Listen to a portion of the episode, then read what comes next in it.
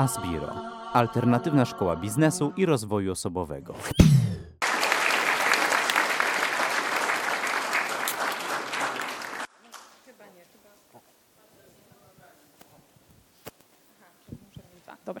E, witam Was serdecznie. Dziękuję serdecznie za przedstawienie. Mm, I na samym początku, zanim przejdę do opowiadania Wam o swoich doświadczeniach e, i tym, co działa u nas w biznesach, mam do Was pytanie, kto z Was już wcześniej miał okazję słuchać jakiegoś mojego wykładu, żebym zaczęła, ile osób już... Okej, okay, dzięki serdeczne. Dobra, to mm, widzę, że duża część jeszcze nie miała okazji gdzieś poznać naszej historii, więc na samym początku powiem Wam w kilku zdaniach, z jakiego doświadczenia do Was będę mówiła. Bo faktycznie prowadzimy w tym momencie już kilka firm. Mieliśmy epizod, e, który faktycznie był bardzo ciężki kilka lat temu, który był wyzwaniem i potem w trakcie prezentacji powiem o tym troszeczkę więcej. Natomiast teraz powiem, e, jakie biznesy dzisiaj prowadzimy z dosyć dużym sukcesem i do kogo sprzedajemy, w jakich branżach działamy, żebyście rozumieli, o czym będę mówiła i jakie doświadczenie zbieraliśmy przez ostatnie kilka lat.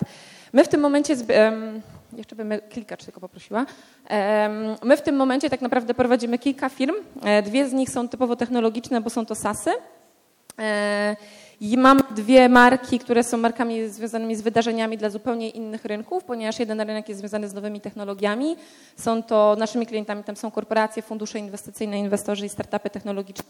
A e, kolejna marka eventowa jest marką związana z branżą marketingową dla, wokoło influencer marketingu, która sumarycznie w tym momencie ma już, e, ostatnie wydarzenie miało 25 milionów zasięgu, a sumarycznie ma ponad 40 milionów do ostatniej edycji.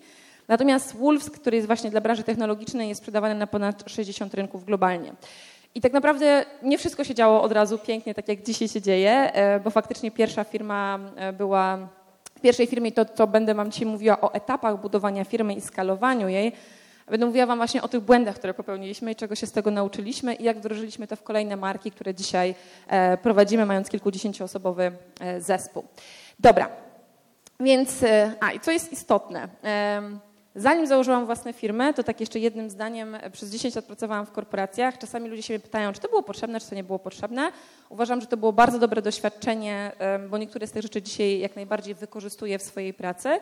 Czy 10 lat to było, to powinno być tyle? Uważam, że mogło być krócej, ale na pewno te wnioski i to, czego się tam nauczyłam w bardzo różnych rolach, dzisiaj mogę bardzo dobrze wykorzystywać w swoich własnych firmach. Więc firmy, które my budujemy, nie buduję tylko, nie buduję tylko i wyłącznie ja, e, buduję ze wspólnikami, z moim mężem, jego bratem. Marek jest tutaj gdzieś z nami na sali. I faktycznie to, co jest istotne, oni zawsze byli przedsiębiorcami małymi. Ja przyszłam z zupełnie innego doświadczenia. I co jest ciekawe, że jako partnerzy nasze doświadczenie się bardzo fajnie uzupełnia.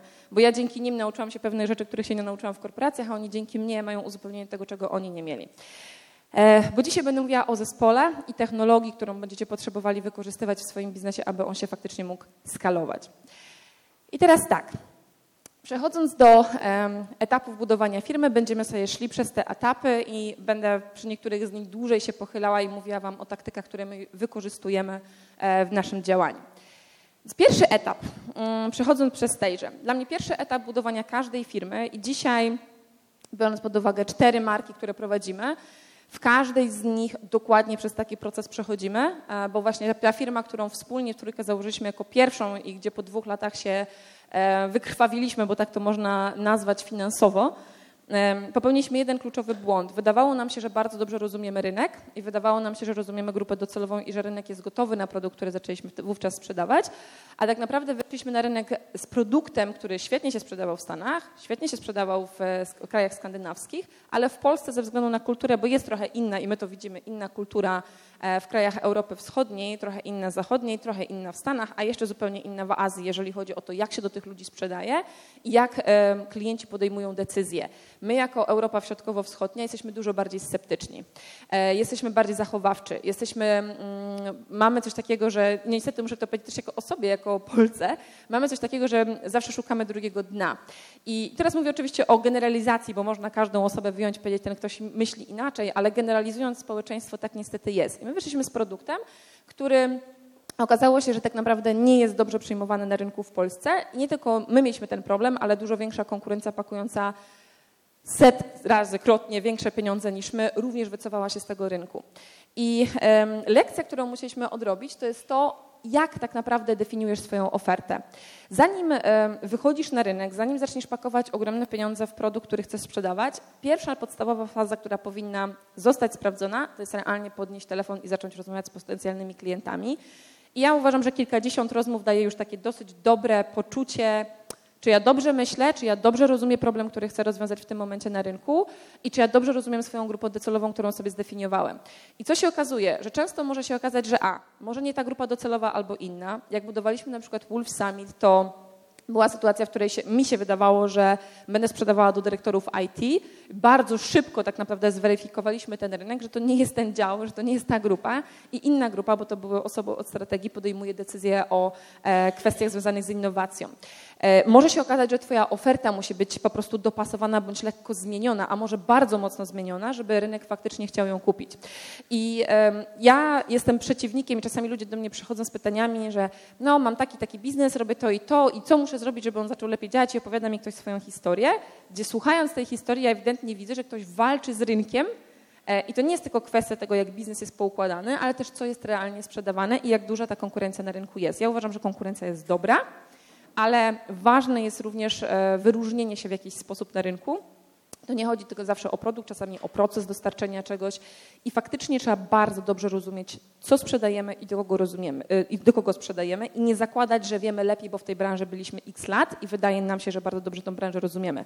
Bo takie błędy też już e, niejednokrotnie widziałam. Więc ja jestem zwolennikiem w momencie, kiedy jakąkolwiek firmę zaczynacie budować i powiem wam o jednej z jednym z pomysłów biznesowych, który mieliśmy w zeszłym roku, który ja po prostu ubiłam. Zabiłam go bardzo szybko, zanim zaczęliśmy pakować tak, tam tak naprawdę pieniądze. E, ponieważ e, dużo pracujemy z zespołami marketingowymi, to zaczęło do nas się zwracać, a faktycznie marketing jest czymś, co bardzo lubimy i non-stop się w tym edukujemy. E, I zaczęło się do nas zwracać firmy same, żeby pomóc im ułożyć lejki, przygotować są strategie, kampanie, a nie, tak naprawdę wcześniej nie planowaliśmy nigdy agencji marketingowej. I jesteście w sytuacji, w której ludzie zaczynają wam bić do drzwi po prostu, bo realnie oni sami chcą zacząć coś kupować. No to my wzięliśmy kilku klientów, kilku osobom pomogliśmy, no i w sumie stwierdziliśmy, dobra, no to może faktycznie e, powinniśmy zbudować ten zespół i zacząć świadczyć usługi marketingowe. I zanim jeszcze zrobiłam tą pracę domową, która jest pracą domową początkową, nie tylko z badania oferty i grupy docelowej, to drugi poziom, który jest dosyć istotny, jest budowanie modelu biznesowego. Czy to się w ogóle spina? Czy to w ogóle ma sens pod kątem rentowności tego biznesu? I nawet jeżeli początek będzie ciężki, bo na początku zazwyczaj się dużo do, dosypuje, to za, na swoje wyjdę. Taka średnia to jest dwa lata, kiedy ktoś już ma taką dosyć dobry rozpęd, e, zaczyna łapać. Uważam, że w dzisiejszych czasach może być dużo szybciej, e, no ale to jest taka średnia też w biznesach tradycyjnych. I teraz co się okazuje, że w momencie, kiedy ja osiadłam do modelu biznesowego i zrobiłam wszystkie kroki, które są istotne z punktu widzenia zrozumienia, ile czasu, na co musi być poświęcone, ile jakie są stawki realnie na rynku, czyli takie, takie porządne due diligence rynku, oferty, cen, i tego, z czym będę konkurowała tak naprawdę w takich usługach, jak ja policzyłam sobie, a wiem na jakie marże chcę wychodzić w biznesie, policzyłam sobie, ok, to są stawki rynkowe, chcemy być w takiej półce klienta, Tyle realnie nas to będzie kosztowało, żebyśmy mogli dać dobre pensje ludzi, mieć dobry zespół, a nie cały czas za nich wszystko robić i wszystkiego pilnować, tylko ludzi, którzy są w stanie coś dostarczyć i mogą się rozwijać razem z pensjami. Co się okazało? Jak ja to przeliczyłam, to mówię, ten biznes w ogóle nie ma sensu. Automatycznie on nie ma sensu, nie ma sensu tego prowadzić, nie powinniśmy tego robić, bo patrząc na alternatywę, które mamy, to po prostu dla nas nie jest opłacalne. Boże, dla kogoś to tylko prowadzi agencję, tak, ale dla nas, patrząc na to, jakie mamy rentowności w innych biznesach i jaką wartość rynkową jesteśmy w stanie zbudować na przykład z technologią, nie powinniśmy tego robić. Mieliśmy w tamtym momencie na stole Mieliśmy też dużych klientów, z którymi już umowy były dogadane, warunki, że tak powiem, e, omówione, gdzieś tam odbijaliśmy się w zapisach i mieliśmy na kilka milionów tak naprawdę umów i bardzo ciężko jest zabić coś takiego, nie? I e, leży ci to i ja mówię, nie chłopaki, dalej nie idziemy z tym i to są fakty, to są argumenty tego, co po prostu zrobiliśmy w, w pierwszym kroku. Nie ma sensu dla nas budować tego biznesu przy wszystkich innych alternatywach. Oddaliśmy klientów, pozamykaliśmy te kontrakty, poprzekazywaliśmy innym osobom i w ogóle się tego nie dotykamy i dzisiaj jesteśmy bardzo szczęśliwi, że taką decyzję podjęliśmy. Dlaczego wam o tym mówię? Dlatego, że ta pierwsza faza jest bardzo, bardzo, bardzo kluczowa. Mi się wydawało, że ją rozumiem w momencie, kiedy budowaliśmy wspólnie z chłopakami pierwszą firmę, a tak naprawdę rzeczywistość nam musiała dać po łbie, mówiąc, żeby naprawdę dobrze zrozumieć ten pierwszy krok. E, poświęcenie, nawet jak chcecie wejść w nowy rynek, z nowym produktem, nowy biznes otworzyć, powinniście zrobić naprawdę dobrze pracę domową, zbadać konkurencję, zrozumieć jakie są ceny, zrozumieć co i jak chcecie sprzedawać, podnieść słuchawkę i nawet jeżeli produkt jest taki, że on docelowo się będzie sprzedawał w sposób zautomatyzowany marketingiem, porozmawiać z tymi ludźmi. Więcej, e, więcej informacji zwrotnej nie otrzymacie um, w, niż podczas rozmowy jeden na jeden. I my zawsze taką pracę domową odrabiamy. Tak zrobiliśmy też na przykład ze spółką, gdzie teraz sprzedajemy e, SaaS e, do automatyzacji komunikacji i w momencie, kiedy go otwieraliśmy, to pierwsza rzecz, którą zrobiliśmy, to też podnieśliśmy słuchawkę i nie tylko z dużymi klientami rozmawialiśmy, ale również z małymi, żeby zrozumieć po prostu, jak ten klient realnie myśli i zdecydować się, w których, na które sektory powinniśmy się faktycznie, na których z nich powinniśmy się skupić i jak pozycjonować naszą ofertę. Um, Dobra, teraz jest taka bardzo dobra książka, bo ja będę Wam polecała różne materiały, które uważam, że warte są przeczytania. Ja jestem molem książkowym i uważam, że z doświadczenia innych najwięcej można, najszybciej się człowiek uczy i najmniej popełnia błędów. Um, ona się nazywa Lean Startup i nawet jeżeli nie budujecie start, e, startupu technologicznego, to Wam bardzo mocno ją polecam, bo ona pokazuje tak naprawdę etapy budowania produktu i walidacji, czyli sprawdzania tego produktu, czy on faktycznie ma rację bytu przyjęcia e, na rynku i czy jest warto Wasz czas poświęcać, bo najgorsze, co może być, to dwa lata pracy, tak jak my mieliśmy, straconych nerwów, e, snu, pieniędzy i wszystkiego innego. I realnie tak naprawdę cały czas było się w takim kręgu błędu, e, który się ponownie popełniało. I tak naprawdę ten pierwszy etap, ja to nazywam etap one man show, tak? czyli kiedy my dopiero walidujemy, czy w tym kierunku będziemy chcieli iść, czy nie. I zazwyczaj te pieniądze są tutaj bardzo malutkie, często osoby gdzieś tam jeszcze pracują, kiedy zaczynają pierwszą swoją firmę. Drugi etap to jest etap, w którym powinien zostać zdefiniowany powtarzalny proces sprzedaży. I teraz jak bardzo ważne jest słowo powtarzalny proces sprzedaży. Ja, e, tak jak zostałam przedstawiona, kocham sprzedaż, uwielbiam sprzedaż, uważam, że to jest najfajniejsza rzecz w ogóle, jaka może być w biznesie. E, teraz już coraz mniej się tym zajmuję, bo raczej robię inne rzeczy i rekrutuję, zarządzam, układam i, i tego typu rzeczy robię, ale na początku każdą jedną firmę, którą rozpędzaliśmy, zajmowałam się przy pierwszych markach sprzedażą i budowaniem zespołów. Teraz już bardziej buduję zespoły niż sama sprzedaję. I teraz, co tutaj jest istotne? Istotne jest to, że jeżeli budujecie firmę, teraz sobie zadajcie sami pytanie, czy w waszej firmie w tym momencie to, ile jest robione obrotu, jest w dużej części zależne od was. Bo etap budowania, jakby ja zawsze uważam, że trzeba nad firmą, a nie w firmie i na początku robisz pewne rzeczy, żeby je przygotować dla zespołu i tak też robisz ze sprzedażą. Pierwszy etap tak naprawdę w już takich działań operacyjnych to jest sprzedajesz ty po to, żeby zrozumieć, jak ten proces powinien wyglądać, aby był najbardziej optymalny i najlepszy do przekazania pracownikom. I teraz w momencie tak naprawdę definiowania powtarzalnego, to jest ważne, procesu sprzedaży, nie możesz bazować, szczególnie jeżeli chcesz skalować firmę. Co innego, jeżeli chcesz zbudować firmę rodzinną, małą, nie chcesz jej rozrastać, to jest twój wybór, E, każdy, każdy, że tak powiem, sam definiuje, czym dla niego jest sukces i do jakiego etapu tak naprawdę chce dojść z firmą i po co to w ogóle robi. Ja faktycznie firmę buduję, ja chcę mieć dużą skalę, kręć mnie i jara mnie po prostu wchodzenie na kolejne etapy budowania firmy, więc ja zawsze cały czas biegnę dalej i będę Wam z tej perspektywy mówiła. I teraz patrząc na sprzedaż, e, nie, przykład e, jednej z firm, która z nami, mamy biuro w Warszawie, w Gdyni. W Gdyni jest taka jedna, w Parku Naukowo-Technologicznym jest też taka jedna firma, z którą jesteśmy zaprzyjaźnieni. No i otwierali ostatnio drugi punkt e, oprócz Trójmiasta w Warszawie. Rozmawiam właśnie z właścicielem i właściciel mówi, no wiesz co, bo teraz zatrudniliśmy i zawsze oni tam jako właściciele sprzedawali. Mówi, wiesz Basia, bo teraz zatrudniliśmy, mm, e, zatrudniliśmy kolejne osoby, takich rasowych sprzedawców i teraz w Warszawie będą sprzedawali, super biuro wynajęliśmy, no i oni teraz już przychodzą z doświadczeniem, więc nam po prostu będziemy teraz się bardzo szybko rozwijali.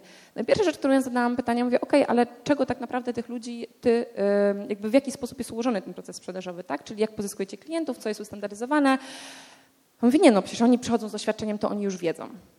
I to jest, powiem Wam, to jest tak duży błąd, który jest popełniany często przez przedsiębiorców. Ja go widzę przynajmniej bardzo często. Wiem też, przez jaki proces przechodziłam z chłopakami, kiedy oni wcześniej, moimi wspólnikami, gdzie budowali zawsze małe firmy.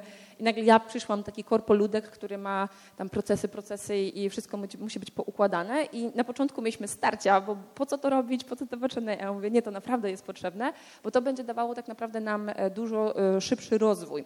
I e, dzisiaj się śmiejemy z tych początków naszych, jak, bo ja od chłopaków się nauczyłam takiej, takiej elastyczności w różnych sytuacjach finansowych i dużo więcej, e, bo też taki, taką, taką twardość, że tak powiem, dużo od nich e, wyciągnęłam. Natomiast ja przyniosłam poukładanie, które jest potrzebne do tego, żeby biznes faktycznie mógł się skalować. I nie można bazować w sprzedaży na przykład na tym, jak się często, szczególnie w usługowych biznesach, słyszę, jak zadaję pytanie, skąd głównie pozyskujecie klienta, to słyszę, a wiesz, z rekomendacji. Albo a po mojej sieci po prostu kontaktów. To nie jest powtarzalny proces. Naprawdę, to nie jest powtarzalny proces i to nie jest coś, co możesz powtórzyć na przykład i powiedzieć nowemu sprzedawcy, żeby robił dokładnie to, co ty, kiedy ty wykorzystywałeś na przykład network, który budowałeś przez kilkanaście lat. Tak, na przykład w innych rolach albo w innych firmach.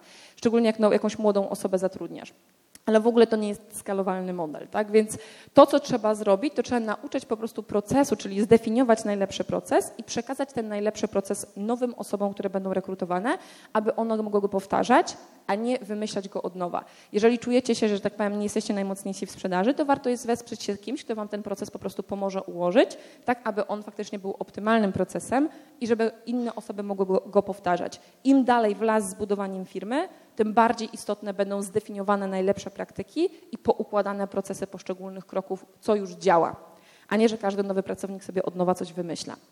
I tutaj um, Tutaj tak naprawdę zaczynasz, w momencie, kiedy ty pracujesz, zaczynasz już powoli, że tak powiem, definiować to, co będzie powtarzalne i to, co będziesz chciał przekazywać kolejnym osobom. Tutaj przychód jest między 40 a 100 tysięcy, więc jeszcze jest on, mówimy o rocznym przychodzie, jest on jeszcze stosunkowo mały. Natomiast e, jest to już moment, w którym powinieneś wyciągać przede wszystkim wnioski. E, my jak zdefiniowaliśmy pierwszy, jak na początku ja sprzedawałam w każdej naszej nowej marce i widzieliśmy, co działa, to definiowaliśmy i jakie sektory nas interesują, jakie marki, jak powinna wyglądać pierwsza zimna rozmowa. Zaraz Wam pokażę, co i jak zdefiniujemy w sprzedaży jako proces, który jest przekazywany właśnie e, sprzedawcom. Etap trzeci. Jak jest już zdefiniowany proces sprzedaży, który jest najważniejszy, żeby faktycznie był generowany cash flow do firmy, aby ona mogła się rozwijać, to jest proces, w którym de facto chcemy mieć, je, może nie jeden, bo ich może być wiele, ale chcemy mieć zdefiniowany powtarzalny proces generowania klientów, czyli generowania leadów. I teraz My w każdej marce mamy inny proces, bo on jest dopasowany do tego, jacy są nasi klienci i gdzie oni przede wszystkim dzisiaj są. I tak jak na przykład w, jak sprzedajemy nowe technologie i sprzedajemy do działów na przykład strategii, to wiemy, że ci ludzie są na LinkedInie. To wiemy, że do, no, do, do, tych ludzi bardzo dobrze na przykład działają zimne maile, tak jak również zaczepianie ich na LinkedInie. Inwestorzy to jest głównie LinkedIn, ale jak sprzedajemy C-bloggers, to wiemy, że de facto ci ludzie są na mediach społecznościowych, żeby doprowadzić do rozmowy telefonicznej i to jest pierwszy kanał, który jest adresowany. Jak sprzedawaliśmy edukację, bo mieliśmy też marketingną, ale stwierdziliśmy, że już nie mamy na nią czasu, mimo że się fajnie rozwijała, e, bo bo kupiliśmy mm, kolejną markę z rynku, no to po prostu tam używaliśmy tylko i wyłącznie kampanii marketingowych i działaliśmy na ciepłych lidach, więc ten sposób pozyskiwania klientów był zupełnie inny niż sposób na przykład, kiedy sprzedajemy do korporacji. Więc to, co my chcemy zawsze w każdej marce mieć zdefiniowane, to chcemy mieć zdefiniowane priorytetami, jakie są kanały, którymi tych klientów pozyskujemy i jak dokładnie wygląda proces, przez który przychodzi każdy pracownik przychodząc do firmy. Ja nie chcę, żeby mój pracownik sam wymyślił, jak ma, wymyślał, jak ma pozyskać klienta, bo ja nie chcę, żeby on tracił ten czas. Skoro my już przeszliśmy x testów, to ja chcę, żeby on rozumiał. W kroku pierwszym wykorzystujesz, weźmy sobie taki um, takiego Wolfsa. W kroku pierwszym wy, e, wykorzystujesz e, LinkedIna i zimnego maila. Mamy też proces na budowanie takich zimnych maili. Nadal je można robić, tylko trzeba robić to właściwie. Potem, bo jest często błędna interpretacja tego, co faktycznie prawnie można, a nie można poroda. Potem kolejna rzecz, aha, jeszcze zanim jest zimny mail, to jest wykorzystanie rekomendacji tego, czy ktoś jest w naszym networku na LinkedInie, kto może nas do tej osoby doprowadzić. Potem mamy tak naprawdę zimnego maila i LinkedIn. Potem mamy dopiero większe, większą ilość czasu, którą poświęcamy na interakcję na social media, jeżeli to jest bardzo ważna marka. No i dopiero później tak naprawdę mm, definiujemy wydarzenia, na które jeździmy i kto na tych wydarzeniach jest, bo to jest kolejny kanał i na wydarzeniach, na przykład jak jest marka z priorytetem 1 albo 0, to nigdy nie odpuszczamy po prostu tej marki i każdą możliwą okazję innych wydarzeń wykorzystujemy, żeby ich poznać. I na samym końcu dopiero mamy sposób tak naprawdę dotarcia do nowego klienta, który jest przebijaniem się przez sekretariat. Na samym, samym końcu. Jest kilka innych sposobów wcześniej. I wiem, że to jest najlepszy czas, najlepszy sposób wykorzystania czasu moich sprzedawców, żeby faktycznie generowali przychód do firmy. Tak więc ja chcę, żeby generowanie klientów było powtarzalne i żeby było skalowalne. Czyli to musi być sposób, który faktycznie jest skalowalny. Wykorzystywanie tylko znajomości właściciela nie jest skalowalne. tak? To muszą być sposoby, które mogą mieć dużo, dużo szerszy mm, potencjał przyniesienia lidów. E, na tym etapie tak naprawdę w momencie, kiedy masz już zdefiniowany proces, co jest ważne, ten proces nie będzie całe życie taki sam, on będzie się ulepszał cały czas z, z mm, kwartału na kwartał czy z miesiąca na miesiąc.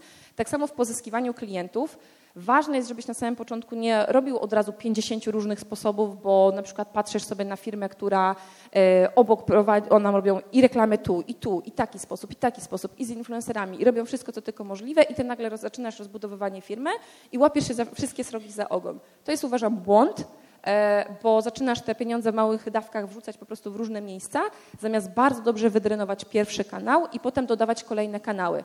Bo kolejne kanały tak naprawdę powodują to, że też się musisz ich nauczyć i też musisz je zrobić właściwie. Więc e, My dzisiaj chyba już wykorzystujemy wszystkie możliwe, jakie są na rynku, jeżeli chodzi o generowanie klientów, ale robiliśmy to też stopniowo. Nie robiliśmy tego wszystkiego naraz i zadawaliśmy sobie też pytanie, gdzie ci ludzie, w których kanałach oni faktycznie są. E, na tym etapie, i teraz w zależności od tego, jaka jest marka, no bo możesz mieć taką markę, gdzie sprzedajesz jeden na jeden i jest potrzebna rozmowa jeden na jeden pomiędzy sprzedawcą a klientem, a może być tak, że na przykład sprzedajesz produkt, który mm, jest w pełni zautomatyzowany i bardziej stawiasz tak naprawdę na customer service, czyli obsługę klienta, e, czy pomoc jakby w podjęciu decyzji, ale nie proaktywne rozmawianie jeden na jeden, bo na przykład są to produkty, które są po kilkaset złotych i są to produkty, które są sprzedawane na przykład na stronach internetowych. Więc e, nie każdy produkt, my mamy też definicję RAM, w którym momencie wprowadzamy sprzedaż jeden na jeden, a w którym nie, bo to też jest optymalizowanie jakby czasu i kosztów po stronie firmy. I dlatego też e, tutaj jest zespół, to będzie asystentka, zaraz o niej powiem, ale sprzedawca lub specjalista do spraw obsługi klienta, w zależności od tego, do kogo sprzedajesz i jaki model jest faktycznie tutaj e, przygotowany żeby działał faktycznie długoterminowo. Jeżeli chodzi o asystentkę, to też zachęcam wszystkich, którzy są jeszcze na bardzo wczesnym etapie budowania firmy, jak najszybciej zatrudnienie jej i nie tracenie czasu na rzeczy typu przygotowywanie przelewów, przygotowywanie dokumentów do księgowej. E, naprawdę to jest totalnie e, niepotrzebne, żebyście wy się tym zajmowali i pierwsza górka zarobionych pieniędzy powinna być zreinwestowana na taką osobę, która tymi wszystkimi papierkami się będzie zajmowała i będzie pomagała ci w trylionie innych małych rzeczy, które możesz scedować na tą osobę, bo ty swój czas powinieneś wykorzystać w pierwszym tym etapie na to, żeby przynosić pieniądze do firmy, a nie tracić go po prostu na e, zadania administracyjne. Dobra, na tym etapie mamy e, przychód na poziomie 100-300 tysięcy i e, naprawdę chciałabym, żebyście bardzo mocno podeszli do kwestii powtarzalnego procesu generowania klientów, a nie randomowego, bo to jest podstawa do tego, żeby cały czas nowa, świeża krew przychodziła do biznesu i aby on się kręcił i aby on się mógł faktycznie rozwijać. Dobra. Mm. I teraz właśnie przechodząc do pozyskiwania klientów, e, no bo na tym pierwszym etapie to przede wszystkim musi być zdefiniowane. Na kolejnych etapach budowania firmy wyzwania są gdzie indziej, ale na początku trzeba po prostu przygotować bardzo do, dobry grunt i mega mocną bazę do tego, aby te pieniądze faktycznie płynęły, tak? Czyli generowanie lidów i sprzedaż. I teraz jeżeli chodzi o sprzedaż, co ja tutaj mam na myśli w pozyskiwaniu klientów? E, mam na myśli w pierwszej części to, co, robią, co robi dział sprzedaży. To może zapytam Was tak, kto na sali w ogóle nie prowadzi marketingu, tylko bezpośrednio sprzedaje w swoim biznesie? Śmiało, śmiało podnieście ręczkę do góry. Ok, to jest mniejsza grupa. A kto z Was prowadzi marketing regularnie z miesiąca na miesiąc? OK, dzięki serdeczne, większość sali. Um, OK, to w sprzedaży ja mam na myśli tak naprawdę tą część, gdzie mm, są biznesy, które albo nie prowadzą marketingu, albo prowadzą marketing, ale mają różne kanały sprzedaży. My na przykład w SaaS-owym rozwiązaniu, czyli Software as a Service, czyli sprzedaży technologii, Mamy podzielone kanały na dwa, czyli jest oddzielnie kanał sprzedaży do dużych klientów, bo do klientów korporacyjnych zawsze potrzebna jest tak naprawdę sprzedaż jeden na jeden, bo to jest taki typ klienta, że jaki byś super świetny marketing nie robił, ty i tak musisz po niego wyciągnąć rękę. Natomiast e, przy sprzedaży do małych i średnich klientów mamy tak zdefiniowany proces, że generowanie klientów jest z poziomu kampanii i oni wpadają tak naprawdę do obsługi już wewnętrznej dopiero w momencie, kiedy zareagowali na marketing. I to jest też związane z wartością no bo to, jak ułożyć ten cały początkowy proces sprzedaży, dopasowywujesz do tego, jaka jest wartość e, całościowa życia klienta w Twoim biznesie. Czyli na przykład w takich sesjach to będzie x lat, tak? bo do tego dążymy. I tutaj faktycznie, jeżeli chodzi o sprzedaż bezpośrednio jeden na jeden, co ja wymieniłam? Social selling, zimne maile, zimne rozmowy, rekomendacje, wydarzenia i e, partnerstwa. Dlaczego te kanały są istotne? Każdy z tych kanałów dzisiaj wykorzystujemy. I one są, mówię, spriorytetyzowane w zależności od tego, jaka jest marka i jaka jest grupa docelowa, bo na początku zadajemy sobie pytanie, kto jest naszą grupą docelową e, i jak możemy do nich najskuteczniej do, dotrzeć. I teraz tak. Zimne rozmowy to jest coś, co czasami ludzie mnie pytają, czy to nadal żyje. Tak, to nadal żyje i to nadal jest potrzebne i będzie potrzebne, szczególnie jeżeli sprzedajecie do bardzo dużego klienta korporacyjnego. To powinno być wspierane działaniami marketingowymi, ale będzie to potrzebne, bo a, czasami ludzie dadzą wam z rekomendacji numery telefonów, gdzie nie będą chcieli, żeby się na nich powoływać. Na LinkedInie na przykład, jak my prowadzimy docieranie do, na przykład w botach, gdzie mm, docieramy do dużych klientów, mamy te dwa kanały, to w momencie, kiedy dodajemy ludzi na LinkedInie, wiedzcie, że starsze osoby, nie tam dwudziestoparolatkowie, ja się uważam już za trochę starszą, że tak powiem, czyli tam 35 plus, często mają numery telefonów na mediach społecznościowych typu LinkedIn i na przykład z osób, które zapraszamy na LinkedInie i do których wysyłamy wiadomości i na LinkedInie e-maile, codziennie osoba, która jest takim supportem sprzedażowym sprawdza, kto ma numer telefonu i to są już numery telefonu, z których jest zimny telefon tak naprawdę, tak? bo ktoś po dodaniu, po zaakceptowaniu na takim LinkedInie e, ma bezpośredni numer do siebie, a telefon zawsze jest lepsze niż tylko i wyłącznie mailowanie. Więc to jest powód na zimny telefon. Czasami tak naprawdę też e, żaden z innych kanałów nie zadziała i będzie trzeba przebić się przez ten sekretariat, więc jest to potrzebne. Natomiast zimne telefony powinny być bardzo dobrze zdefiniowane i bardzo dobrze przygotowane dla zespołu, tak aby zespół się ich nie bał. Bo uwierzcie mi, że zimne telefony najbardziej przerażają sprzedawców, którzy byli przyzwyczajeni tylko do ciepłej sprzedaży i muszą nagle wejść w interakcję z kimś, kto... No, takie rozmowy są najcięższe. Kto z Was w ogóle nie lubi zimnych telefonów? Zobaczcie, ponad połowa sali podniosła rękę, nie? Dzięki, bo, bo, to nie jest dla większości przyjemne. Ja akurat jestem z tym mocno oswojona już, ale początki nie były łatwe, tak?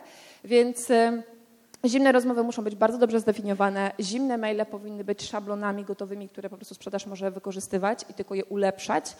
Um, social selling jakbyście nie lubili, bo pewnie jest część na sali osób, która bardzo lubi media społecznościowe, jest część osób, która ich nie lubi. E, ja na przykład wiem, że muszę je lubić, mimo że nie jestem takim naturalnym człowiekiem do mediów społecznościowych, tak jak niektórym to przychodzi bardzo łatwo, ale wiem, że to jest po prostu nieocenione narzędzie w pozyskiwaniu klientów i nie tylko poprzez działania marketingowe, ale również poprzez działania jeden na jeden. LinkedIn do klientów biznesowych, do nawet średnich czy małych firm technologicznych, nie tylko do dużych korporacji, e, jest naprawdę świetnym i nieocenionym narzędziem, a na przykład w marce, gdzie sprzedajemy do marketingu, Facebook jest świetnym narzędziem i Instagram, gdzie można również jeden na jeden do osoby e, napisać i nawiązać po prostu do rozmowy telefonicznej, bądź przyjąć strategię bardziej długoterminową interakcji z, danym, e, z daną osobą i później po prostu już przekucia to w e, rozmowę prywatną, na przykład na takim messengerze w danym kanale. E, rekomendacje. To jest kolejna rzecz, która uważam, że jest niedoceniana bardzo mocno i mimo, że praktycznie wszyscy z nas wiedzą, co to są rekomendacje, to nie są one proaktywnie e, wykorzystywane. Tak jak ja na początku budowałam e, startowo biznes, to bardzo dużo czasu, tak naprawdę bardzo mega wykorzystywałam ten kanał. Ja całą pierwszą grupę klientów przy Wolfsie, którą budowaliśmy, zbudowałam tak naprawdę w, po prostu podnosząc telefon i na LinkedInie patrząc, kto kogo zna i wzywając od osoby do osoby i zdobywając, po prostu kontakty do ludzi, z którymi chcę porozmawiać jako, de, osobami decyzyjnymi, a nie osobami, które są gdzieś tam niżej w strukturze. I to jest coś, czego uczę cały czas swojego zespołu sprzedaży. Ja mówię, pamiętaj, że ci ludzie też znają kolejnych ludzi i e, powinieneś na każdym etapie rozmowy wykorzystywać tak naprawdę tę rozmowę po to, żeby wziąć rekomendację do kolejnej osoby, bo to jest najszybciej zdobyty kontakt. Um, więc i to nie jest coś, co powiesz raz w sprzedaży. To jest coś, co trzeba powtarzać naprawdę bardzo wiele razy, bo y, jakimś takim dziwnym cudem sprzedaż o tym zapomina i tylko po prostu czeka na kolejne lidy, albo najlepiej jak wpadną z zimnych maili, albo najlepiej jak to się nie poda na tacy, bo tak jest zawsze najwygodniej, ale tutaj po prostu trzeba e, zapracować na to, tak? Czyli trzeba po prostu wyciągnąć rękę e, i wziąć rekomendacje i nie pytać się, kogo mógłbyś mi polecić, tylko zadać pytania o korzyść czy problem, który rozwiązuje, kto jeszcze z swoich znajomych może mieć tego typu problem, bądź może szukać takiego typu rozwiązania, które macie. I naprawdę będą osoby, tak jak u nas niejednokrotnie, ileś ludzi mówi nie, Ilość ludzi mówi tak i bardzo duża część ludzi naprawdę daje rekomendacje. My na przykład od jednego funduszu dostaliśmy ponad 80 intro. Daliśmy im coś za to, za to więc poszliśmy w kierunku partnerstwa i e, oni nam zrobili 80 intro do funduszy po prostu za, za, za, granicą, z którymi mieli bardzo dobrą relację, a fundusze są bardzo nieresponsywne, bo to jest mocno hermetyczna grupa. więc mega nam pootwierali drzwi. Partnerstwa, dlaczego to jest kolejny bardzo istotny tak naprawdę kanał, który powinniście wykorzystywać? Dlatego, że do niektórych marek, do których chcecie się dobić, nie dobijecie się wy, ale na przykład pa partner się dobije do tego, że ma relację, która jest długoterminowa. I my, mamy też klientów, których my nie mogliśmy za Chiny, mimo że dobiliśmy się do osób decyzyjnych, domknąć, ale na przykład przez partnera domknęliśmy. Tak? W botach na przykład bardzo świadomie rozwijamy cały kanał partnerski, który, mm, który jest i kanałem agencyjnym, i kanałem przez freelancerów docierania do ludzi, bo ktoś ma swoje społeczności, do których może dotrzeć. A skoro już jakiś procent wydajesz na reklamę, to równie dobrze ten sam procent możesz wydać na partnerów, którzy pomogą ci ten ruch po prostu przynieść. Dobra, no i marketing, czyli druga część pozyskiwania klientów. Jeżeli chodzi o marketing, e, to jest coś, co się cały czas zmienia e, i to jest coś, co jest kanałem, moim zdaniem marketing akurat jest czymś, czego człowiek się całe życie będzie uczył i zazwyczaj jako przedsiębiorcy nie mamy aż tyle czasu, e, żeby znać i wszystko, i sprzedaż, i marketing, i wszystkie tematy związane z ludźmi, bo jest tego bardzo, bardzo dużo, jeszcze jakiś kawałek, kawałek finansów. Dlatego ja e, akurat bardzo mocno doceniam to, że jesteśmy, że nie jestem jedynym e, właścicielem, tylko że mamy podzielone swoje kompetencje. Mimo, że ja Maga się interesuje marketingiem, to wiem, że e, Marek siedzi w tym na co dzień i naprawdę do każdego jednego małego szczegółu wchodzi bardzo głęboko, żeby go poznać. I jeżeli chodzi o marketing, to na przykład uważam, że Wyzwaniem w dzisiejszych czasach jest to, żeby zostać na czasie ze wszystkimi nowymi narzędziami, które się pojawiają. My, będąc w tej branży technologicznej, przechodząc przez tysiące nowych projektów technologicznych, które się pojawiają na rynku miesiąc w miesiąc. E, wyłapujemy i mamy taki, taki nawyk wyłapywania ciekawostek, testowania, sprawdzania, czy to faktycznie działa. I jeżeli działa, no to już wdrażamy potem do całej firmy. I jesteśmy bardzo dużymi fanami technologii. Akurat w liniach budżetowych e, to, ile wydajemy na technologię, to jest dosyć sporo u nas w porównaniu do innych linii, bo wiemy, że to nam bardzo mocno przyspiesza biznes i optymalizuje, czyli faktycznie bardzo często oszczędza ogromną ilość po prostu kosztów, które normalnie musielibyśmy ponieść na e, ludzi i o tym to też będę Wam pokazywała dzisiaj. Natomiast e, co w marketingu można e, robić? Oczywiście można robić reklamy na Facebooku, na Instagramie, na LinkedInie. Na LinkedInie reklamy są droższe niż na Facebooku. E, Instagram i Facebook to już jest jedna grupa, więc praktycznie jak jedno. E, Google Ads, czyli można robić reklamy. I teraz reklamy rób tak naprawdę adekwatnie do swojej branży. Tak? Nie ma sensu, żebyś e, adresował moim zdaniem wszystkie kanały od razu. Na przykład wiemy, że jeżeli adresujemy korporacje, to one są na LinkedInie, jeżeli adresujemy małych i średnich przedsiębiorców, to oni są na Facebooku, tak? plus Instagram w niektórych branżach jest różnie, um, równie istotny. Maile, banery, TV, radio, prasa, to wszystko to jest jednokierunkowa komunikacja.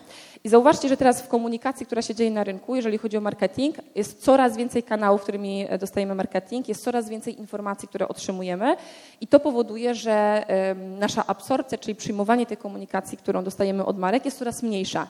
I praktycznie każdy jeden kanał, my się zawsze śmiejemy wewnętrznie, że jaki by kanał nie powstał, to marketerzy go za chwilę zepsują, bo po prostu go drenują, drenują, drenują na maksa i pojawia się jakiś kolejny kanał, a ten kanał, który był wcześniej, zaczyna być coraz mniej istotny. Tak? Może nie mniej i w ogóle znika, bo na przykład taki mailing on zawsze będzie, był, jest i będzie, ale na przykład niektóre narzędzia zaczynają mieć dużo większą skuteczność niż narzędzie, które jeszcze x lat temu było czymś świeżym, czymś nowym i co świetnie działało. Tak więc patrząc na marketing, jeszcze sobie do niego za chwilę wrócimy, teraz przeskoczymy na chwilę do sprzedaży.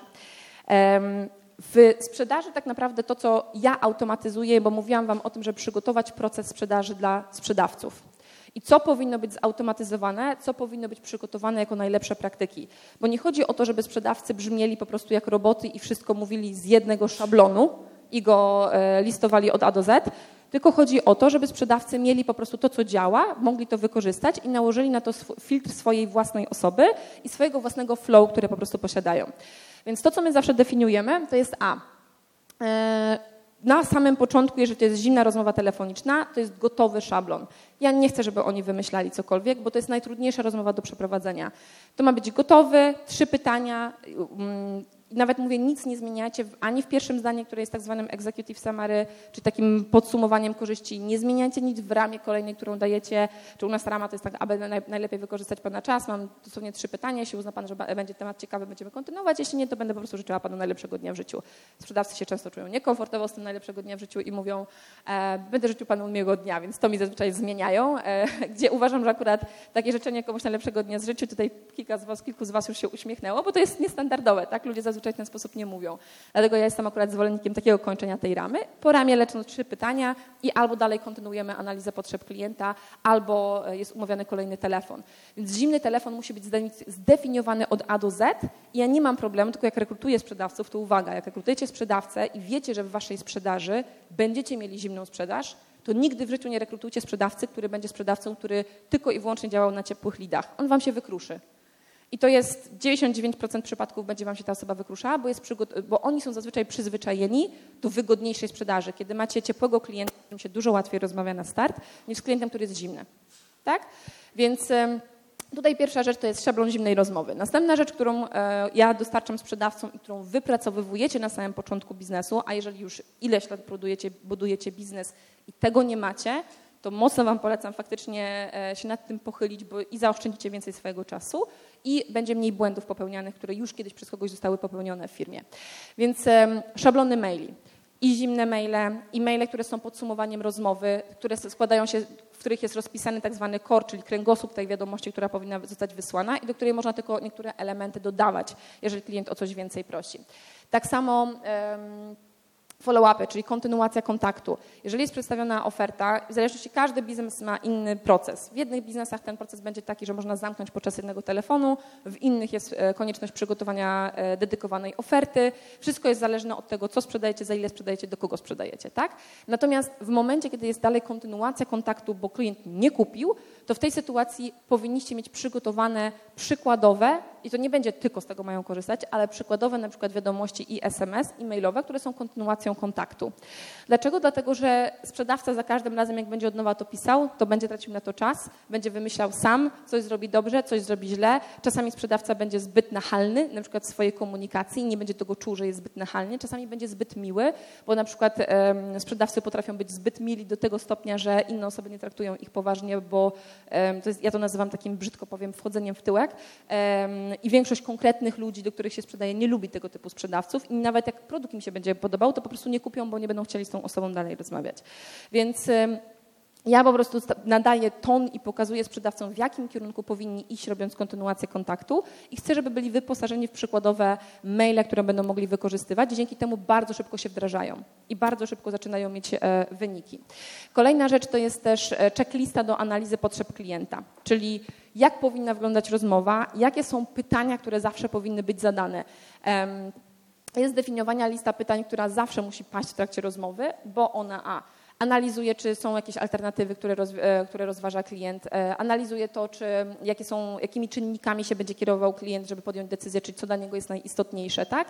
Więc w tej sytuacji to, co trzeba zrobić, to trzeba zdefiniować to, jakie pytania zawsze muszą paść i powinna to być checklista, której sprzedawca się faktycznie nauczy. I będzie, e, i dalej to, co robisz, to sposób edukowania twoich sprzedawców, to jest spotykanie się z nimi najlepiej co, ty, co tydzień czasu na szkoleniu godzinnym, gdzie są po prostu ćwiczone rozmowy, które są związane z analizą potrzeb klienta, czyli jak zadawać pytania pogłębiające. E, jeżeli masz osobę, która inna się zajmuje sprzedażą u ciebie w firmie, to niech ta osoba to prowadzi. Ale to jest warsztat, podczas którego sprzedawcy faktycznie podnoszą swoje kwalifikacje, jeżeli chodzi o mm, umiejętność schodzenia głębiej w rozmowie i umiejętność dotarcia do prawdziwej potrzeby klienta czy prawdziwego problemu, który on faktycznie posiada. Kolejna rzecz to są skrypty pokonywania obiekcji. Też nie uważam, że jest jeden schemat pokonania obiekcji, ale na każdą obiekcję, najczęściej 80% e, czy nawet 90% obiekcji się powtarza. Są cały czas te same. Zgadzacie się ze mną? Jest tak u Was w biznesie? Tak. No to w momencie, kiedy one się powtarzają, dlaczego nowi sprzedawcy, którzy do Was przychodzą, nie mogą mieć po prostu rozpisanych przykładowych pytań, od których mogą zacząć, żeby tą daną obiekcję pokonać i informacja, do jakiego argumentu powinni zmierzać, żeby ta obiekcja została pokonana. To jest też sytuacja, która daje tak naprawdę mm, bardzo dużą swobodę takiemu sprzedawcy na start. On nie zapamięta wszystkiego, ale bardzo szybko się dzięki temu będzie uczył. Ma to dla Was sens?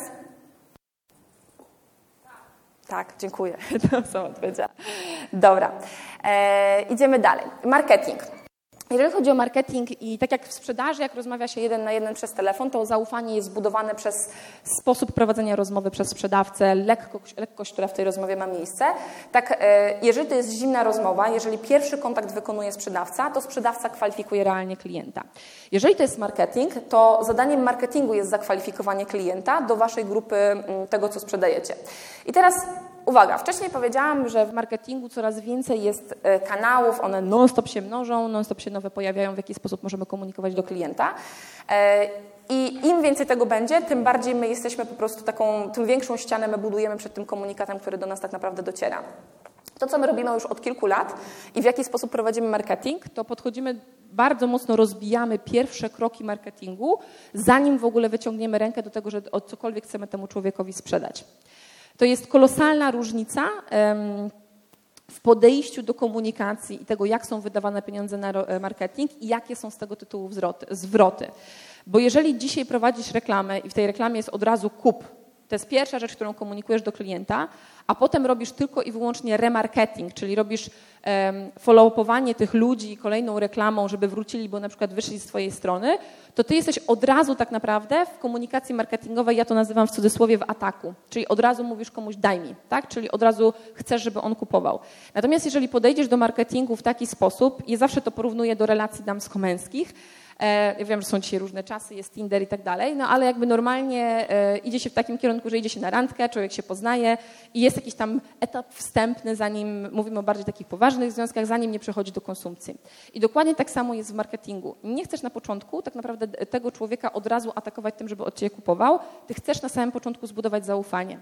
I żeby zbudować zaufanie tego klienta, to potrzebujesz mu coś dać i potrzebujesz mu coś dać, nie chcąc od niego nic w zamian.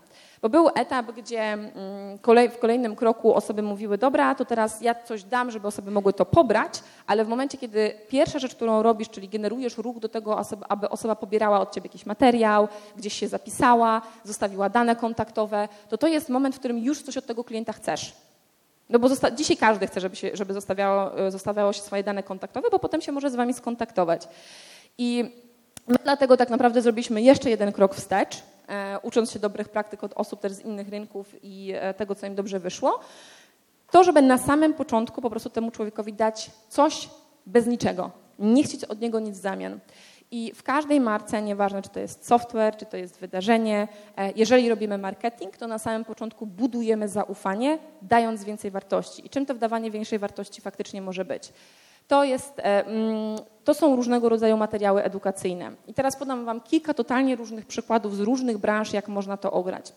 E, jedna z moich klientek sprzedaje produkty, bardzo niszowe branża, bo ona sprzedaje produkty do pracy ze starszymi ludźmi, którzy e, mają choroby, zapominają, tracą pamięć. To jest dla kilku chorób tak naprawdę materiały, które mogą pozwolić e, tym, tym starszym osobom się rozwijać, żeby mózg dalej pracował. I jej grupą docelową są jednostki albo takie szpitale, albo jednostki prywatne pracujące z takimi ludźmi.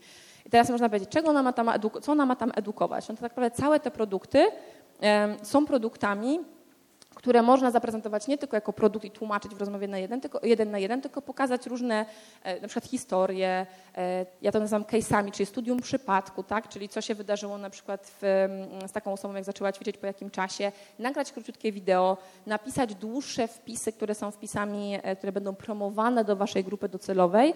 My to nazywamy long social media posty, czyli LSMP, czyli długie wpisy na media społecznościowe, czyli dłuższy wpis, który wygląda na przykład jak blog post, ale jest wpisem, który realnie nie ma żadnego e, call to action na samym końcu, czyli żadnego wezwania do działania w postaci wejdź na link, zapisz się, zrób X czy zrób Y, tylko jest sam, sama merytoryka. I ta merytoryka jest albo w formie pisemnej, albo w niektórych produktach ona będzie dużo lepsza tak naprawdę w formie wideo. Tak samo dokładnie sprzedajemy e, technologię, tak samo dokładnie można sprzedawać każdy jeden produkt. No może trochę inaczej będzie w branży typu, jak sprzedajesz stal na przykład do bardzo ograniczonej grupy docelowej, no to faktycznie to już jest zupełnie inna branża, ale w każdej innej branży, gdzie masz produkt fizyczny, gdzie masz jakiś produkt technologiczny, gdzie sprzedajesz jakieś usługi, jest coś, czego można ludzi nauczyć. Kolejny przykład branżowy, który Wam pokażę, który też oparł tak naprawdę zwiększenie swojego obrotu na edukacji, no totalnie trywialna usługa, można sobie powiedzieć, pranie dywanów, u nas może tak dywanów wykładzin nie ma dużo w Polsce jak w Stanach. To jest przykład firmy ze Stanów, która e, jej klienci do niej średnio wracali raz na rok. To, co oni zrobili, to wyedukowali swój rynek, jak szybko się mnożą roztocza, jak wpływają na... Po prostu coś, co niby ludzie wiedzą, nie? Niby, ale tak naprawdę nie wiedzą. Wyedukowali rynek, jak szybko one się rozmnażają, w jakiej ilości, jakie, e, jak to wpływa na przykład na małe dzieci, które na tych dywanach się bawią. E, I nagle się okazało, że tak naprawdę czterokrotnie e, zwiększyła się częstotliwość korzystania z usługi, tylko dlatego, że zwiększyła się świadomość tego człowieka problemu, które realnie mają, którego nie widzieli. I naprawdę uwierzcie mi, że w większości usługach się dobrze pomyśli, z czym ci ludzie mają problem i z czym ja mogę im pomóc i dasz im to na początku, to potem się okazuje, że oni do ciebie wracają. Więc na samym początku, jak mamy e, materiały edukacyjne i wyedukowaliśmy ten rynek, i podpromujecie, bo tak jak na Facebooku na przykład nie każde, nie wszystkie materiały będą widoczne dla wszystkich waszych fanów, więc możecie promować te materiały nie tylko do grupy docelowej, która jest na waszych mediach społecznościowych, ale również do docelowej grupy y, waszej docelowej, która będzie te materiały po raz pierwszy widziała i w ten sposób będzie budowała do was zaufanie. W kolejnym kroku, jeżeli oni już przeczytają jeden, może dwa artykuły, reklamy działają tak, że widzicie po prostu tam po, że wiadomo jest, kto to widział i systemy to są w stanie e, śledzić. Kolejna rzecz, którą będziecie chcieli od tej osoby dopiero, kiedy już to pierwsze zaufanie zostało zbudowane, to jest wzięcie kontaktu od tego człowieka tak? Dopiero w drugim kroku, nie robicie tego w pierwszym kroku. I w momencie, kiedy chcecie wziąć kontakt, to możecie to zrobić na różne sposoby. Możecie zaprosić tę osobę na szkolenie e, online'owe, możecie e, wysłać tą osobę na przykład do pobrania jakiegoś materiału PDF, do pobrania jakiegoś materiału wideo, czy się do niego zalogowania. E, można wysłać tą osobę na stronę, gdzie będzie zapis na rozmowę, czy umówienie na przykład na darmowe konsultacje. Tak, to już kwestia jest bardziej tego, jaki ten biznes faktycznie e, ma model i do kogo sprzedaje. I dopiero w tym momencie, kiedy macie ten kontakt, i uwaga, dzisiaj branie kontaktu to nie są już tylko maile. Za chwilę Wam będę mówiła o technologii, którą my dzisiaj mega mocno wykorzystujemy i w sumie zaczęliśmy ją stosować dwa i pół roku temu, na początku z innym narzędziem i potem się zdecydowaliśmy, że sami to narzędzie zaczniemy budować, jak zobaczyliśmy, jakie wyniki dzięki temu osiągamy. Bo dzisiaj opt-iny, czyli zapisywanie się do bazy kontaktowej, to nie są tylko maile, ale też są to konwersacje w innych kanałach. Na przykład Messenger jest jednym z kanałów, który bardzo szybko teraz rośnie. Jest super wykorzystywany przez marki do komunikacji bezpośredniej e, z ludźmi. Więc w momencie, kiedy mm, zdobyłeś kontakt i ta osoba się zapisała już w miejsce, gdzie możesz komunikować się z nią bez wydawania pieniędzy kolejny raz na, na to, żeby się z nią skontaktować, bo to jest istotne, to jest moment, w którym albo ta osoba skonwertuje, bo na przykład na, taki, na takie szkolenie online'owe za, zapraszając osobą, można na końcu zrobić wezwanie do działania i można już chcieć skeszować tak naprawdę tego klienta, ale nie każdy z nich kupi. Niektórzy z nich potrzebują więcej czasu. Niektórzy są na zupełnie innych etapach podejmowania decyzji, bo jak macie 100% waszej grupy docelowej, ja chyba kiedyś u Was to, to, mówiłam, ale to powtórzę, bo to jest bardzo ważne że ze zrozumieniem, jak układać komunikację do klientów ze względu po prostu na to, na jakim etapie oni się znajdują. 3% jest gotowa tu i teraz od Was kupić, 7% nie jest zdecydowana i proaktywnie nie szuka, ale wymaga tylko małego impulsu, żeby faktycznie kupili, kupili. Czyli to jest 10% najłatwiejsze do zebrania z rynku. Potem macie 30% osób, którym się wydaje, że oni tego nie, e, nie potrzebują, ale przy dobrym spozycjonowaniu, do, dogrzebaniu się do tego problemu kupią, bo na przykład nie widzą jeszcze tego problemu.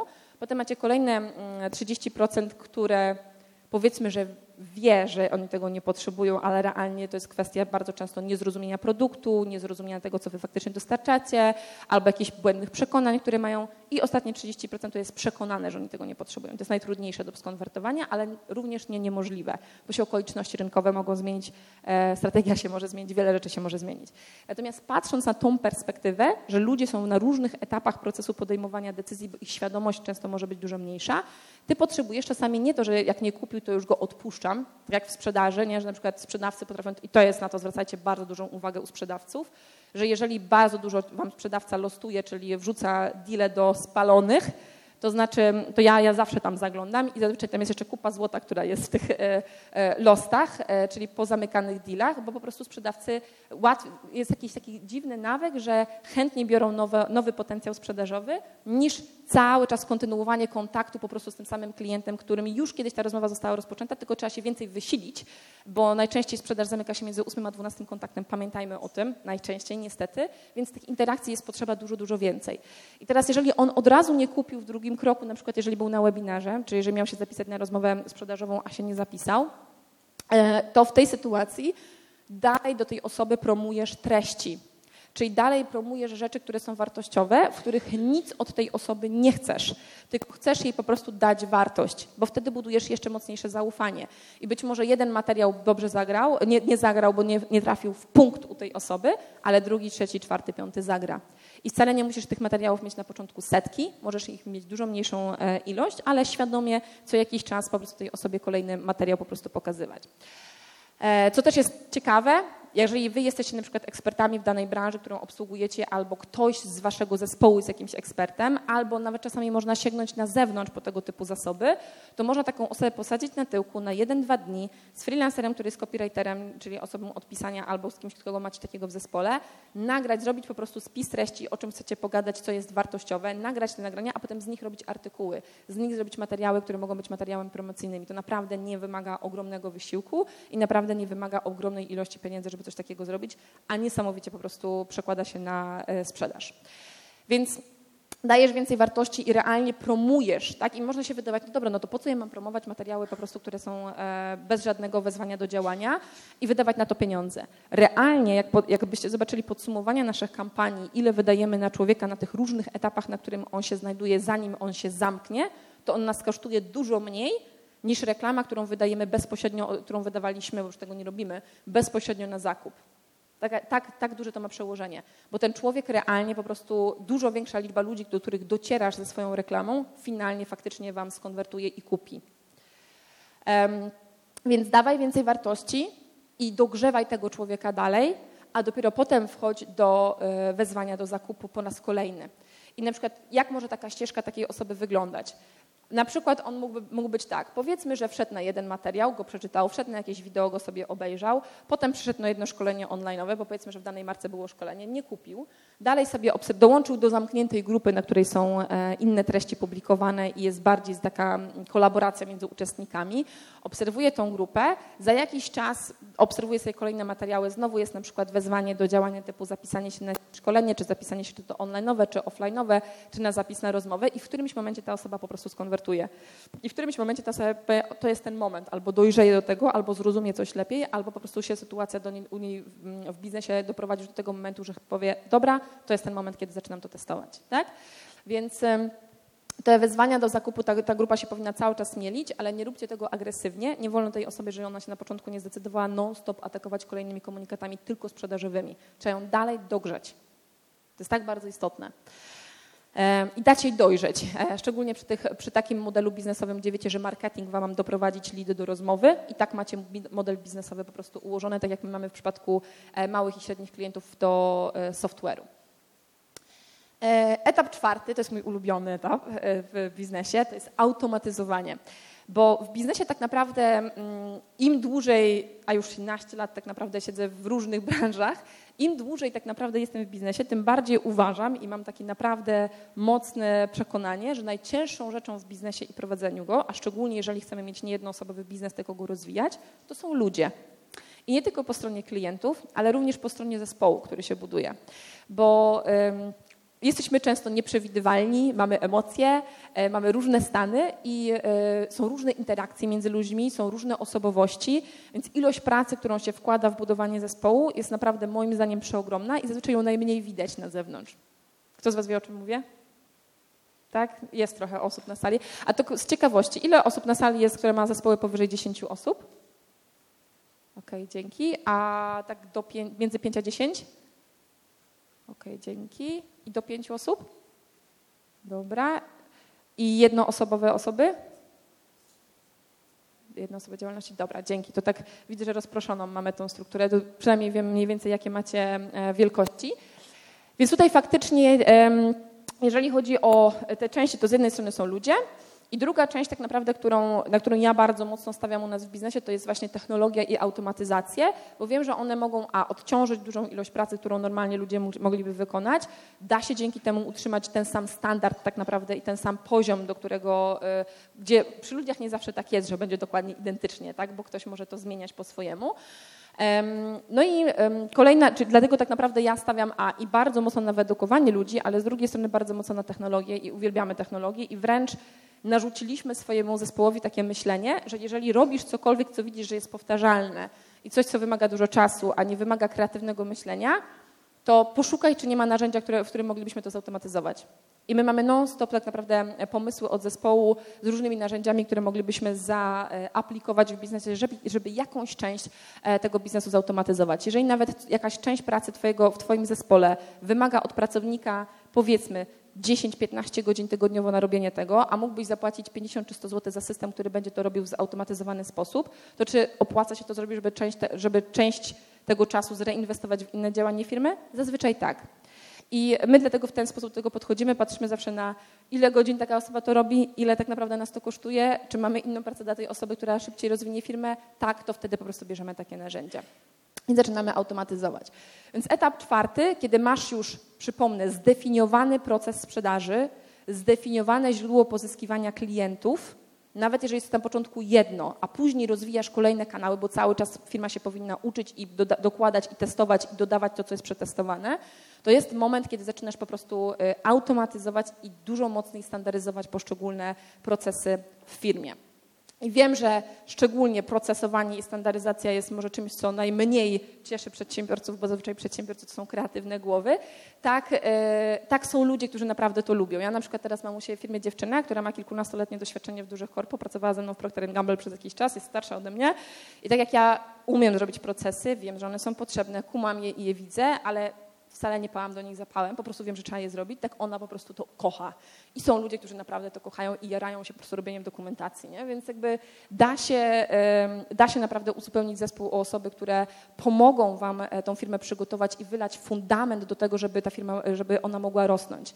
E, nie można zbudować dużej firmy i najgorszy błąd, jaki możecie popełnić, to zajebiście się dzieje, dużo się sprzedaje, firma się rozwija, macie poczucie, że zapaliście wiatr w żagle, fundament nie jest wylany, ona nie jest przygotowana do większego obrotu, zaczyna przychodzić więcej klientów, zaczyna się robić rozpęd i nagle się rozbijacie o ścianę.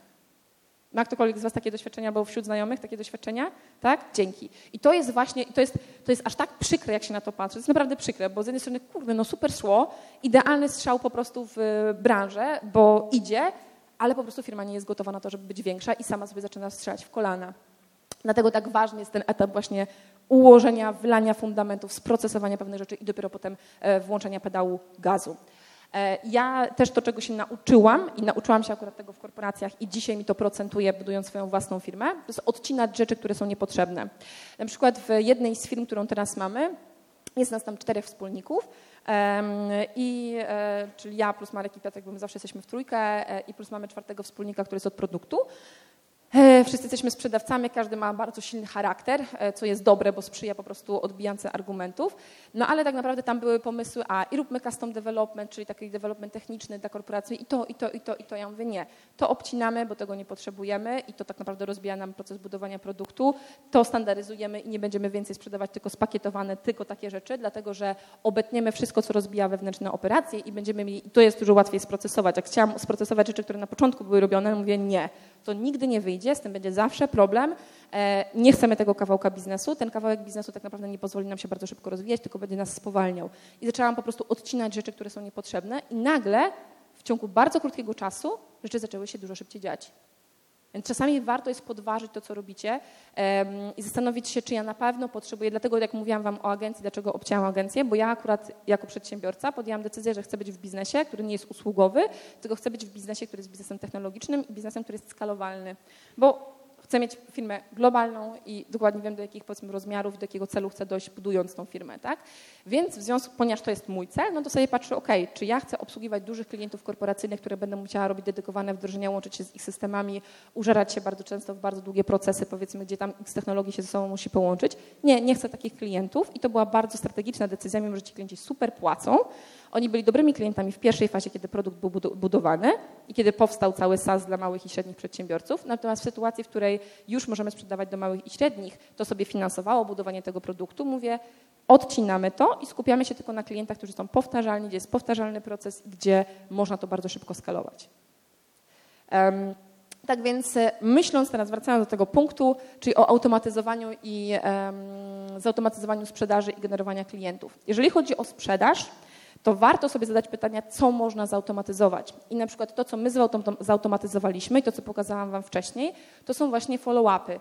Jedna z największych bolączek, jak, jak Jeżeli wy się zajmujecie sprzedażą i macie swoich sprzedawców, to przyjrzyjcie się na co najwięcej, albo zadajcie nawet proaktywnie e, sprzedawcy pytanie, na co najwięcej w ciągu dnia poświęca czasu i czego najbardziej nie lubi. Zazwyczaj usłyszycie to tego się nie da wyeliminować, uzupełnienia systemu, e, bo nikt nie lubi uzupełniać tych systemów czy robić raportów. Ale druga rzecz to jest na przykład powtarzalny proces tworzenia, wysyłania maili. My na przykład, jeżeli chodzi o kontynuację kontaktu, mamy takie narzędzie, można to ograć narzędziami typu Yesware, które jest tylko do automatyzacji maili i szablonów maili. My używamy akurat takiego systemu CRM HubSpota i tam mamy na przykład kontynuację kontaktu mailowe, są zautomatyzowane i można ustawić sekwencję. Jeśli na przykład nie dodzwonię się przez system w takim terminie, to za trzy dni czy tam za dwa dni wyślij kolejnego maila. I sprzedawca nie musi każdego z nich manualnie wysyłać i dzięki temu oszczędza już ileś godzin w ciągu tygodnia, które może być w, przełożone na rozmowy telefoniczne, które najwięcej biznesu faktycznie przynoszą. Więc ja zawsze zastanawiam się, jakie elementy możemy zautomatyzować i jakie elementy możemy przerzucić na system, których nie będzie musiał, gdzie zaoszczędzimy czas, który wygeneruje po prostu w tym czasie na człowiek więcej pieniędzy do firmy. Więc na pewno kontynuację kontaktu, szablony maili, na pewno na przykład jeżeli e, macie i marketing i sprzedaż jeden na jeden na jeden do klientów, to warto jest połączyć te dwa procesy ze sobą, tak aby sprzedawca, jeżeli widzi, że klient potrzebuje określonego dogrzania, mógł włączyć odpowiednim tam na przykład takim tokenem czy czymkolwiek w systemie, jakiś, różnie w systemach będzie rozwiązane, mógł włączyć to, że ten człowiek będzie zapraszany na szkolenia czy na inne, do innych materiałów, które obejrzy, dogrzeje się i dopiero sprzedawca do niego wróci z telefonem. Tak? Więc zautomatyzuj najwięcej, co się da. Muszą być w sprzedaży, też musi mieć standardowe umowy, standardowy proces, żeby nie było dziur, żebyś nie musiał co chwilę czegoś łatać, żeby to wszystko po prostu było dobrze ułożone i spisane. Natomiast jeżeli chodzi o generowanie klientów, e, czyli właśnie marketing, o którym przed chwileczką zaczęłam mówić, to zautomatyzować maksymalnie go jak się da. Czyli jeżeli biznes jest taki, że on wymaga na przykład na początku zebrania standardowych informacji, na przykład w branży finansowej, standardowych informacji, które klient musi wypełnić i wiem, że zazwyczaj się to dzielić tam na spotkaniach, ale jeżeli może być jakaś aplikacja czy jakiś formularz wypełniony, który już zakwalifikuje odpowiedniego tego klienta, zanim on trafi do sprzedawcy, to warto to zrobić, bo sprzedawca już wie, z kim rozmawia i może lepiej rozmowę poprowadzić. Tak? Jeżeli chodzi na przykład o y, automatyzację, to my widzimy, że na rynku, przynajmniej w Polsce jeszcze, ten y, obszar niby się dużo mówi o automatyzacjach, ale na przykład jak rekrutowaliśmy osoby od automatyzacji do nas do firmy i naprawdę lecieliśmy po ludziach po prostu z takich firm, gdzie wiemy, że się mocno stawia na automatyzacji, którzy mają x lat doświadczenia, to okazuje się, że poziom wiedzy tych ludzi jest bardzo niski naprawdę bardzo niski, jeżeli chodzi o to, jak może być zaawansowany marketing i dobrze przygotowany pod kątem zautomatyzowania dużej ilości komunikacji z klientem, zanim on musi trafić na rozmowę ze sprzedawcą. Czy zautomatyzowania operacji. Na przykład coś, co jest bardzo taką, e, bardzo fajnym rozwiązaniem właśnie w produktach technologicznych, to jest sposób wdrażania człowieka, człowieka w platformę. My na przykład podważamy to, że dużo, dużo produktów na rynku e, technologicznym robi jeden na jeden wyróżnienia do klientów małych, bo uważamy, że da się to dobrze zautomatyzować i komunikacją, i grupowymi na przykład szkoleniami, czyli każdą jedną rzecz podważamy, jak można to zrobić bardziej wydajnie i bardziej automatycznie. I do automatyzacji marketingowej e, ja Wam mocno polecam się tym tematem e, głęboko zainteresować, bo on potrafi zaoszczędzić dziesiątki tysięcy tak naprawdę, w zależności oczywiście od skali biznesu, ale potrafi oszczędzić ogromną ilość czasu, którą manualnie poświęca Wam Wasz marketing, bądź ktoś, kto jest potem dalej w operacjach. Tak więc optymalizujesz procesy, maksymalnie je skracasz e, i w sprzedaży, i w generowaniu klientów. W sprzedaży dodatkową rzeczą, którą możesz zrobić, to jeżeli zaczyna Ci się rozrastać zespół, to warto go podzielić na części. E, czyli wyspecjalizować w poszczególnej pracy. I na przykład jeżeli jest docieranie do klienta również na zimno, to można zrobić tak, że są dodatkowo, jest zespół tak zwanych, my ich nazywamy researcherami, w różnych firmach różnie się to nazywa, ale osoby, które wyszukują kontakty, które wysyłają wiadomości na mediach społecznościowych, wysyłają e, zimne maile, wpisują zadania do systemu, że na przykład e, sprawdzają, czy numer telefonu, jak ktoś dodał na LinkedInie, faktycznie jest i dodają od razu zadania do systemu, a sprzedawca, który zajmuje się zamykaniem, już większość ilość swojego czasu poświęca faktycznie już na rozmowy, czyli coś, co robi robi najlepiej. A osoba, która jest tańsza, czyli pod względem, taki, pod względem ekonomicznym, może robić tą e, pracę, która jest czasochłonna, ale która generuje po prostu poszczególnych klientów. Więc my, jak marka zaczyna już rosnąć, to dzielimy po prostu ten zespół potem na dwie części, e, żeby po prostu e, kompetencje lepszych sprzedawców wykorzystywać w większej ilości na rozmowy, a nie poszukiwanie po prostu tych klientów. E, I na tym etapie tak naprawdę skalujesz w momencie, kiedy zaczynasz dużo mocniej e, pochylać się nad zoptymalizowaniem procesów, czyli skróceniem ich maksymalnie i e, zautomatyzowaniem tego, co się da, to w, tym, w tej sytuacji również już bardziej mocno ty jako właściciel swój czas poświęcasz na rekrutowanie ludzi i wdrażanie tych ludzi odpowiednio, niż na fakt tego, że ty, ty dalej sprzedajesz, bo ty w tym momencie już powinieneś po prostu zajmować się już stricte pracą nad firmą, a nie w firmie. I tu mamy obrót pomiędzy 100, 300 e, tysięcy a milion złotych. No i teraz pytanie, w jakich kanałach jest najwięcej, z jakimi kanałami teraz chciałabym przejść przez taki proces automatyzacji właśnie, który my u siebie wdrożyliśmy i wdrażamy w różnych obszarach coraz mocniej. Um, powiedzcie mi jakby na sali, tak jak jesteśmy, w jakich kanałach są wasi, z jakimi, w jakich kanałach się wasi klienci tak naprawdę poruszają najwięcej i z jakimi kanałami z nimi komunikujecie? U kogo z was będę zadawała kanały, zobaczymy ile jest jakiej grupy. U kogo z was to jest telefon przede wszystkim? Ok, dzięki. E, Facebook? Dobra, dzięki. E, LinkedIn? LinkedIn bardzo mało widzę B2B. I Instagram? Dobra. A kto głównie bazuje na mailingach? Dobra, dzięki. Um, dobra, dużo tego Facebooka było chyba najwięcej, jak, jak spojrzałam na salę. E, dlaczego to pytam? Tak? Bo my myśląc o tym, jak automatyzujemy pracę, jak dopasowujemy komunikację, zawsze sobie zadajemy to pytanie, gdzie ci klienci dzisiaj są i gdzie ja z nimi powinnam komunikować. To decyduje o tym, gdzie robimy reklamę, to decyduje o tym, jak do nich też docieramy jeden na jeden i to też decyduje o tym, jak dalej przeprowadzamy tego człowieka potem w remarketingu i w kolejnych krokach. I teraz jeżeli jest to kanał inny niż macie numer telefonu i dzwonicie do klienta, to jest to sytuacja, w której bardzo ważne, pewnie to już słyszeliście, że w dzisiejszych czasach coraz ważniejsze jest tempo odpowiedzi człowiekowi. W różne systemy CRM-owe czy do automatyzacji robiły różne badania na temat tego, że jeżeli odpowiesz w ciągu pierwszych pięciu minut, to prawdopodobieństwo tego, że zamkniesz tego deala jest dużo większe niż jeżeli odpowiesz za dzień, za ileś tam godzin, bo człowiek jest w tym momencie tu i teraz w tym procesie decyzyjnym i on o tym w tym momencie po prostu myśli.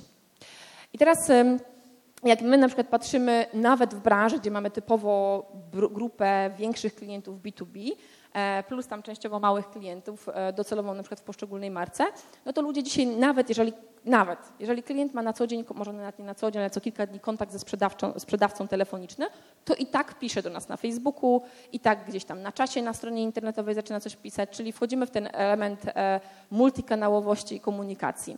I dzisiaj kanałem komunikacji, który bardzo szybko rośnie, który my bardzo świadomie zaczęliśmy właśnie na początku 2016 roku wykorzystywać, to nie tylko media społecznościowe, ale tak naprawdę e, kanał Messengera, czyli komunikatorów. I teraz jak sobie popatrzymy na to, z ilu zapytań, bo jak jeżeli ludzie do ciebie sami piszą na przykład z reklamy czy z innego powodu, a ty do nich nie odpowiadasz, to powinieneś sobie zadać pytanie, z ilu zapytań ja realnie mam e, ile zamknięć. Czyli z ilu zapytań doprowadzamy do rozmowy i potem jak jest ta rozmowa, to ile jest zamknięć i ile czasu średnio mój klient e, czeka. Bo niestety w bardzo dużej ilości przypadków klient musi czekać za długo, dlatego że nam jako małym przedsiębiorcom brakuje zasobów, żeby ktoś po prostu siedział tylko i odpowiadał i czekał, aż do niego ktoś po prostu wyśle zapytanie. Tak?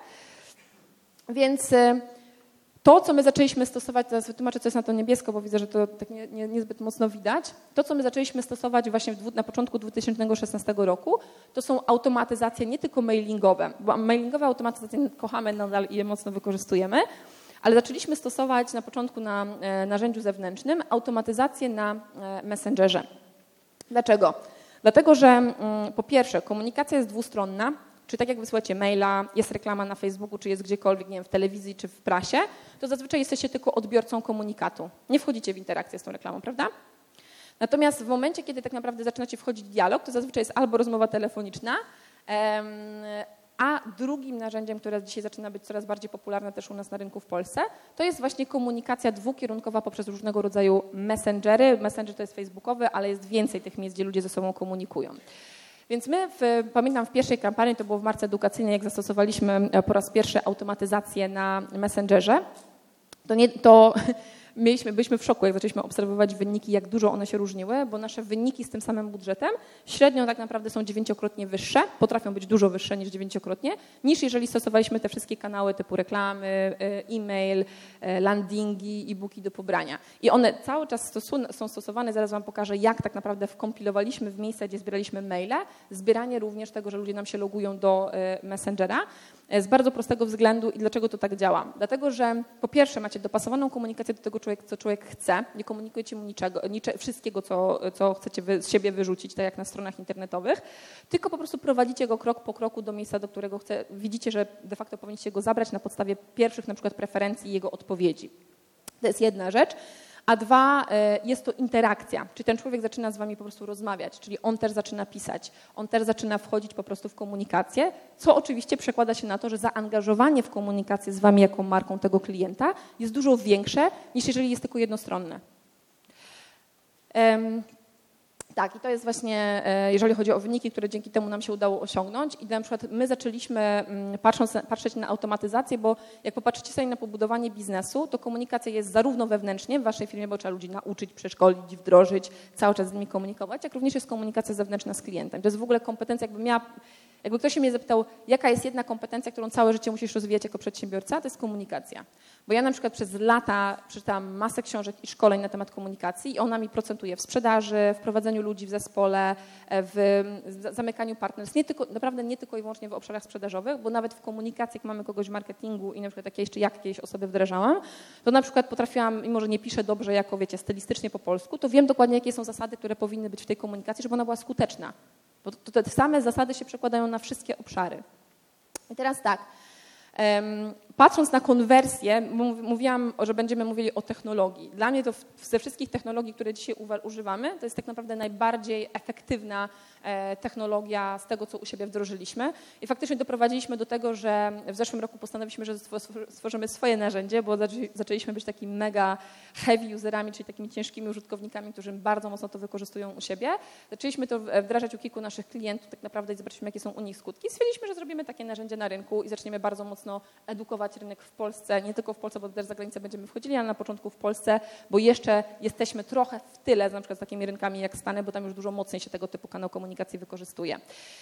Otwarcia, zadajcie sobie pytanie, ile macie otwarć, otwarć w mailingu. Otwarcia na Messengerze to jest troszeczkę tak, jakbyście byli w SMS-ie. Na przykład ja mm, rzeczą w sprzedaży, którą zaczęłam robić e, i uczyć swoich sprzedawców, jak jeszcze kilka lat temu, zaczęłam bardzo wykorzystywać SMS-y bo w momencie, kiedy ktoś jest na spotkaniach, to nie odpowiada na telefon, ale na SMS-y większość ludzi odpowiada. I zaczęliśmy sobie zadawać pytanie, naprawdę to pytanie sobie zadanie, jakimi kanałami ten człowiek komunikuje i gdzie najszybciej odpowiada, jest kluczowe, żeby lepiej z nim komunikować. Więc ja kiedyś zaczęłam używać SMS-y w sprzedaży, które bardzo mocno nam podniosły konwersję e, i przyspieszanie, powiedzmy, momentu zamykania deala, tak samo w komunikacji marketingowej dla nas to są po prostu dzisiaj chatboty. E, średnia otwarcie to jest do 99%, e, właśnie między 98 a 99% przeklikiwanie się, czyli jeżeli chcecie, żeby jakaś akcja była wykonana w komunikacji z klientem, to ona potrafi tutaj być na e, poziomie nawet 40 czy 50% w zależności od grupy.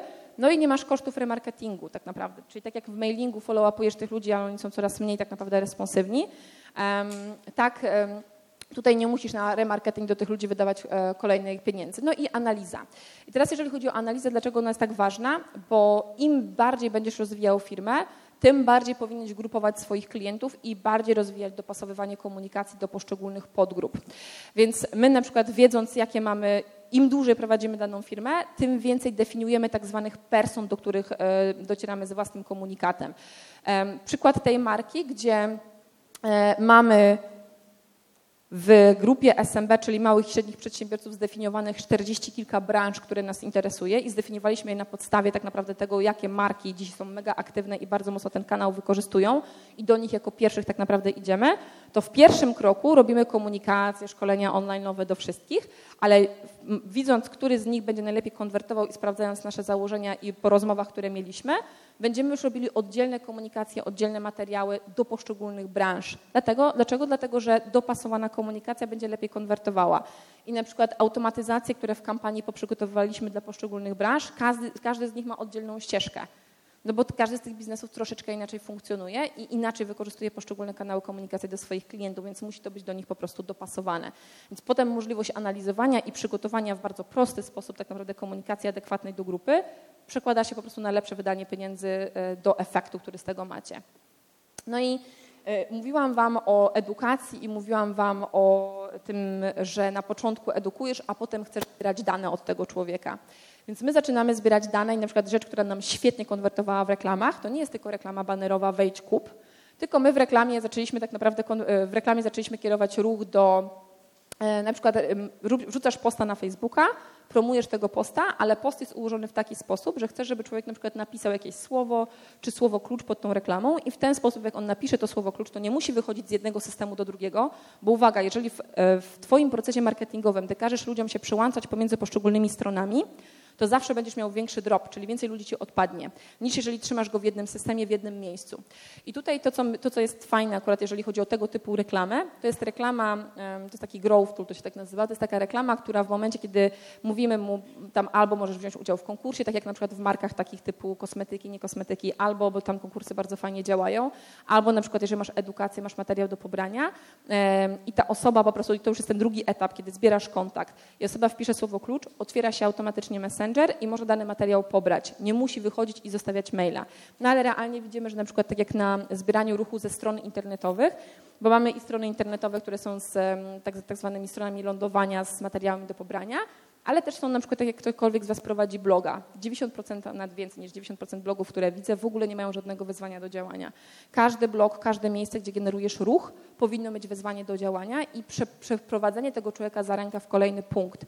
I tak jak na przykład na blogu, u nas każdy blog post kończy się konkretnym tak zwanym CTA, czyli call to action, czyli wezwaniem do działania, do zrobienia konkretnej rzeczy. I akurat to Wam pokazuję z jednej z marek, gdzie jest pobranie akurat e-booka, gdzieś indziej będzie umówienie na rozmowę, gdzieś indziej w zależności od tego, jak, jak wygląda powiedzmy proces, tak? I tego człowieka y, tutaj angażujemy, różowy baton jest do maila, niebieski baton jest do otwarcia do Messengera i ponad dziesięciokrotnie więcej ludzi klika w Messengera. Nie? Dlaczego? Dlatego, że nie musi zostawić maila, dlatego, że mentalnie w naszej głowie łatwiej jest takiego Messengera się wypisać pisząc stop niż z maila, gdzie potem te maile też można zrobić unsubscribe, ale ludzie dzisiaj już są tak zmęczeni spamowaniem ich maili. Kto z Was ma dosyć ilości maili, które do Was przychodzi? Zobaczcie, większość sali podniosła rękę. Dzięki. I w momencie, kiedy my mamy już tego kanału dosyć, to tak to już nasza psychika działa, że łatwiej nam jest kliknąć coś, gdzie po prostu nie jesteśmy jeszcze przespamowani, niż w miejscu, gdzie już po prostu jesteśmy cały czas spamowani, żeby się zapisać. Dlatego my mega mocno zaczęliśmy to w naszych kampaniach wykorzystywać. Więc ta, e, taki, taki, taki bot, który potem się otwiera, on może nie tylko podawać materiały, on tak naprawdę jest bardzo fajną rzeczą, szczególnie jeżeli na przykład prowadzicie też branżę e-commerce'ową, macie szerszy e, asortyment produktowy, to w momencie, kiedy ktoś wchodzi na waszą stronę internetową i musi sam, na przykład ja, dlaczego na przykład na niektóre mniejsze strony e-commerce'owe czy sklepy nie wchodzę, bo wkurza mnie, że zanim coś znajdę, to te filtry są tak słabo ustawione, że po prostu irytuje mnie to.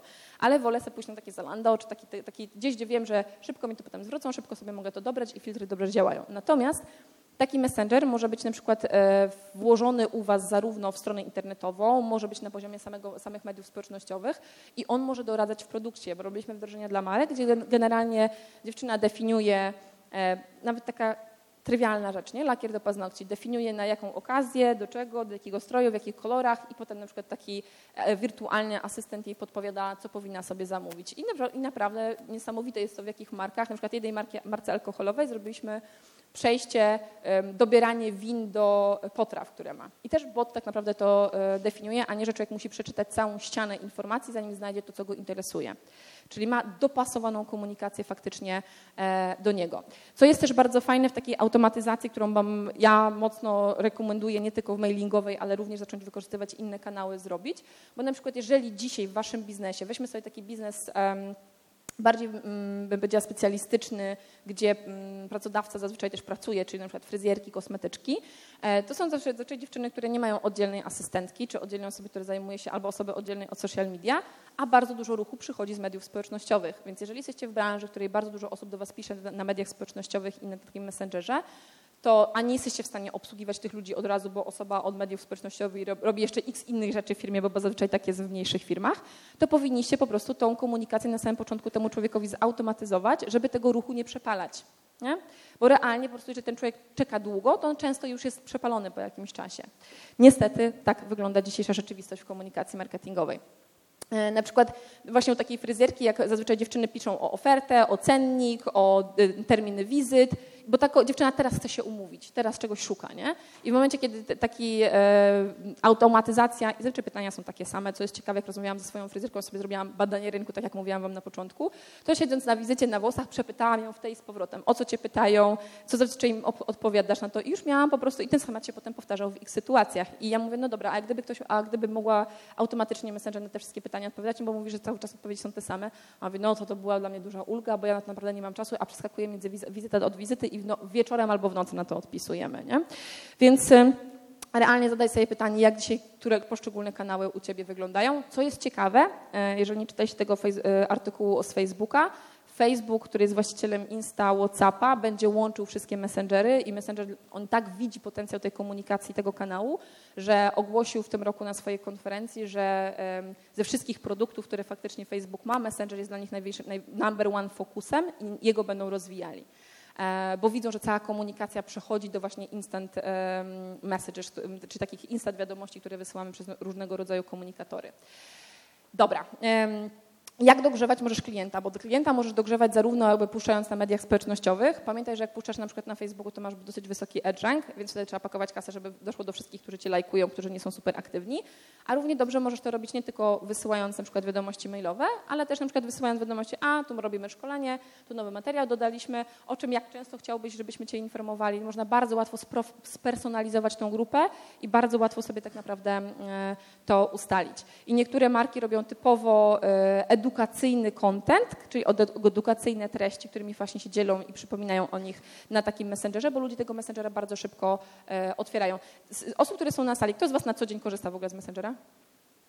Zobaczcie, odwróćcie, trzymajcie, trzymajcie ręce, bo chcę, żebyście zobaczyli, jak ważny jest ten kanał dzisiaj w marketingu. Większość ludzi, I, I, oczywiście dzięki serdeczne, to nie jest tak naprawdę e, jak SMS jeszcze, ale zaczyna bardzo szybko iść, iść ku górze. Ja na przykład maila sprawdzam raz dziennie, a Messengera sprawdzam kilka razy dziennie. Widzimy, że tutaj mamy e, kolejne osobki, które do nas dołączają. Dobra, obsługa klienta. Mm, jeżeli chodzi o obsługę klienta, bo w niektórych branżach możecie mieć wdrożenia, e, bardzo ważna jest rzecz, którą widzę w niektórych branżach, że to jest w jedności, rozdzielenie tak naprawdę w wdrożeniowca od sprzedawcy. To jest pierwsza rzecz, którą bym Wam bardzo mocno rekomendowała i ułożenie dobrze procesu wdrożeniowego. Druga, e, mocne ustalenia z góry, czyli jeżeli na przykład wdrożeniowiec, to są też błędy, które poprawiałam w momencie, kiedy zaczęłam, zaczęliśmy jakby kolejny SAS nas, e, bo jeden SAS kupiliśmy na rynku i to są też błędy, które są, że tak powiem, może nawet nie błędy, ale rzeczy, które trzeba ustawić dobrze w tych firmach. To jest e, to, że w momencie, kiedy wdrożeniowiec rozpoczyna wdrożenie na przykład, to na początku musi od klienta jasno ustawić ramy, terminy, co od klienta kiedy będzie oczekiwał, rzeczy, które będą powodowały, że ten projekt nie będzie trwał bardzo długo, tylko rzeczy, które po prostu ustalić oczekiwania z góry, i następnie je po prostu step by step e, egzekwować. Wiem, że mam mało czasu, więc lecę dalej. Jeżeli chodzi o obsługę klienta, bardzo mocno w każdej branży poleciłabym Wam po nagrywanie wideo, po robienie tutoriali, czyli takich krótkich, bardzo prostych, instruktażowych e, faków, czyli najczęściej zadawane pytania, które pokazują, jak dane rzeczy zrobić, gdzie można szybko klienta do danego miejsca odesłać, niż za każdym razem odpowiadać na te same e, pytania. Kanały komunikacji muszą być dopasowane. Jeżeli ktoś, ktoś z Waszych klientów siedzi na LinkedInie, to musi być mocno LinkedIn obsługiwany. Jeżeli siedzą na Facebooku, to Facebook musi być mocno obsługiwany, tak? No i jeżeli chodzi o wdrożenia, to już teraz przyspieszę. Przy wdrożeniu na przykład kanału klientów, jeżeli to jest klient, są klienci korporacyjni, to raczej trzeba to robić jeden na jeden, ale przy klientach małych i średnich możesz spokojnie zautomatyzować, robić grupowe wdrożenia, które również są wsparte dużą ilością materiałów, do których osoby mogą sobie zajrzeć post factum, a nie o wszystko pytać na e, customer serwisie. Health KPIs, co to jest, się na tym tutaj skupię, będę już szła dalej. Jeżeli chodzi o takie wskaźniki zdrowia, w każdym biznesie powinny być one mocno zdefiniowane, czyli w jaki sposób mierzony jest sukces klienta w tym, co mu dostarczacie co ile czasu, w jaki sposób jest mierzony jaka jest linia, do której chcecie, żeby ten klient minimum doszedł, żeby móc stwierdzić, że faktycznie to, co dla niego zrobiliście, było dla niego sukcesem i było faktycznie zrealizowaniem tego, co wy e, rozwiązujecie na rynku. E, jak zaczniecie bardzo świadomie edukować z tego zespół i na to mieć mocne e, skupienie, to się okaże, że wasi klienci będą waszymi bardzo mocnymi ambasadorami, będą najlepszą formą reklamy dla was dalej, nie mówiąc o mega pozytywnej opinii na rynku i temu, że dużo łatwiej wam się też będzie ludzi rekrutowało. Dobra. Um, Dobra, dobra, już przyspieszymy. Dobrze. E, automatyzacja powtarzających się pytań i odpowiedzi, czyli jakby to, co się najczę- o co najczęściej Was ludzie pytają, czy to na stronie internetowej, czy to właśnie na mediach społecznościowych. My na przykład automatyzację w takich messengerach, bo messengery też wkładamy po prostu na stronę, wykorzystujemy po to, żeby odpowiadać ludziom na najczęściej zadawane pytania.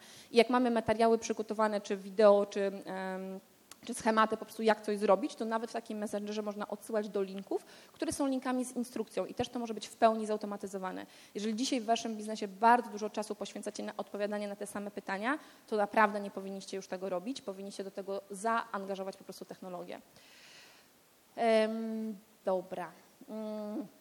No i etap piąty budowania firmy to jest zdefiniowanie systemów i, operac- e, systemów i procesów już tak bardzo głęboko, wszystkich operacyjnych e, procesów, które w firmie mają miejsce, e, żeby one dobrze funkcjonowały. I w tej sytuacji również Twoim głównym em, celem, który będziesz miał, jeżeli chodzi o zespół, to jest skalowanie zespołu operacyjnego. Gdzie już tutaj faktycznie skupiając się na takiej standaryzacji operacji jesteś w stanie dojść do e, 3 milionów obrotu. Następnie jest to rekrutacja. Rekrutacja, rekrutacja, rekrutacja. Najważniejsza funkcja y, właściciela w momencie, kiedy firma zaczyna się skalować, to jest rekrutowanie najlepszych talentów.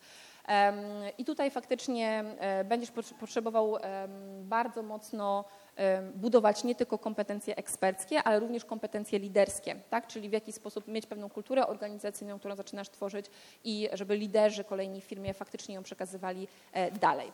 E, Bardzo dobra książka, którą Wam polecam co do kultury organizacyjnej Delivering Happiness o firmie Zapos. Cała druga połowa książki jest stricte o budowaniu kultury organizacyjnej. Absolutnie chyba najlepsza książka, jaką czytałam na ten temat. Em, No i tutaj w momencie, kiedy już stawiasz bardzo mocno na liderów e, w zespołach, jesteś w stanie dojść nawet do 10 e, milionów obrotu, ale nigdy nie zrobisz tego sam, pamiętaj. Nie? Tę kompetencję zespołu trzeba bardzo mocno rozwijać. I teraz Najlepsza rekrutacja. Jeżeli zastosujecie się, bo tak jak powiedzieliśmy na samym początku, technologia i ludzie, dwa elementy, które potrzebujesz tak naprawdę cały czas, e, nad którymi cały czas potrzebujesz pracować.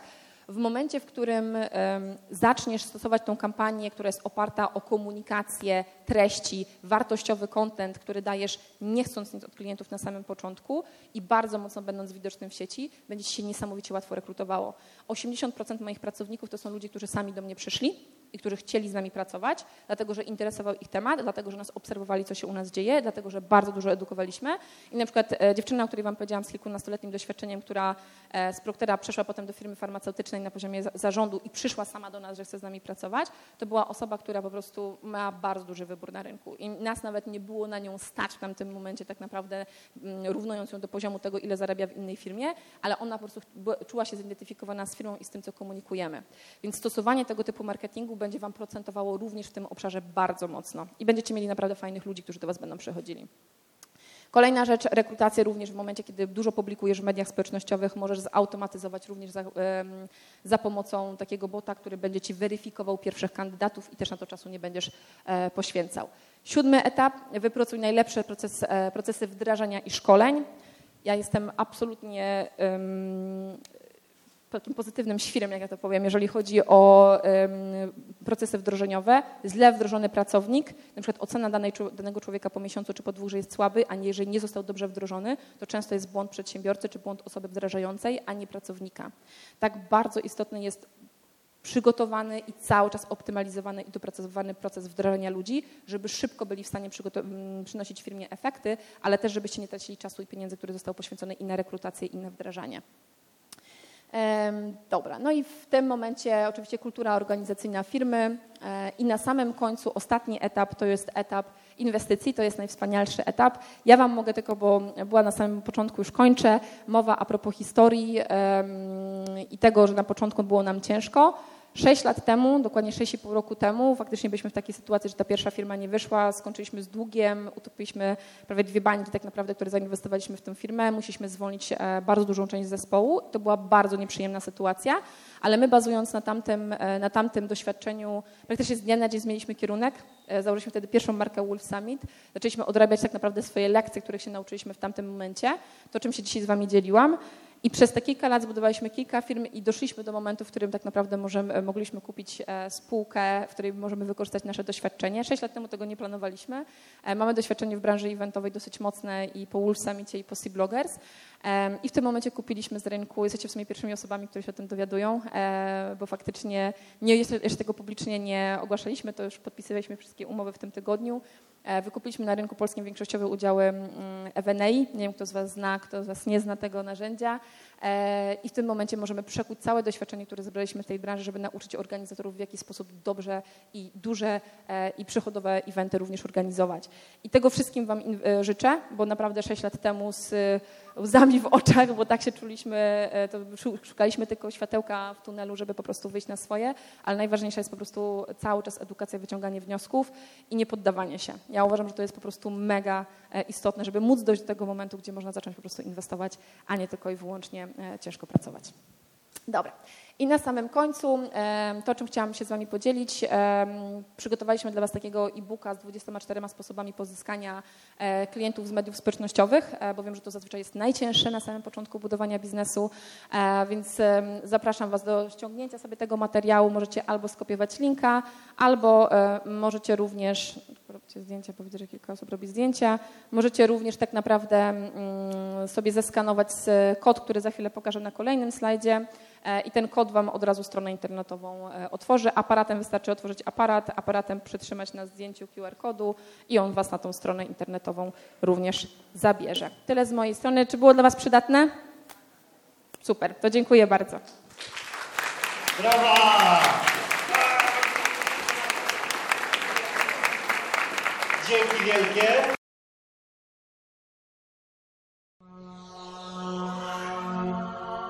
Asbiro. Alternatywna szkoła biznesu i rozwoju osobowego.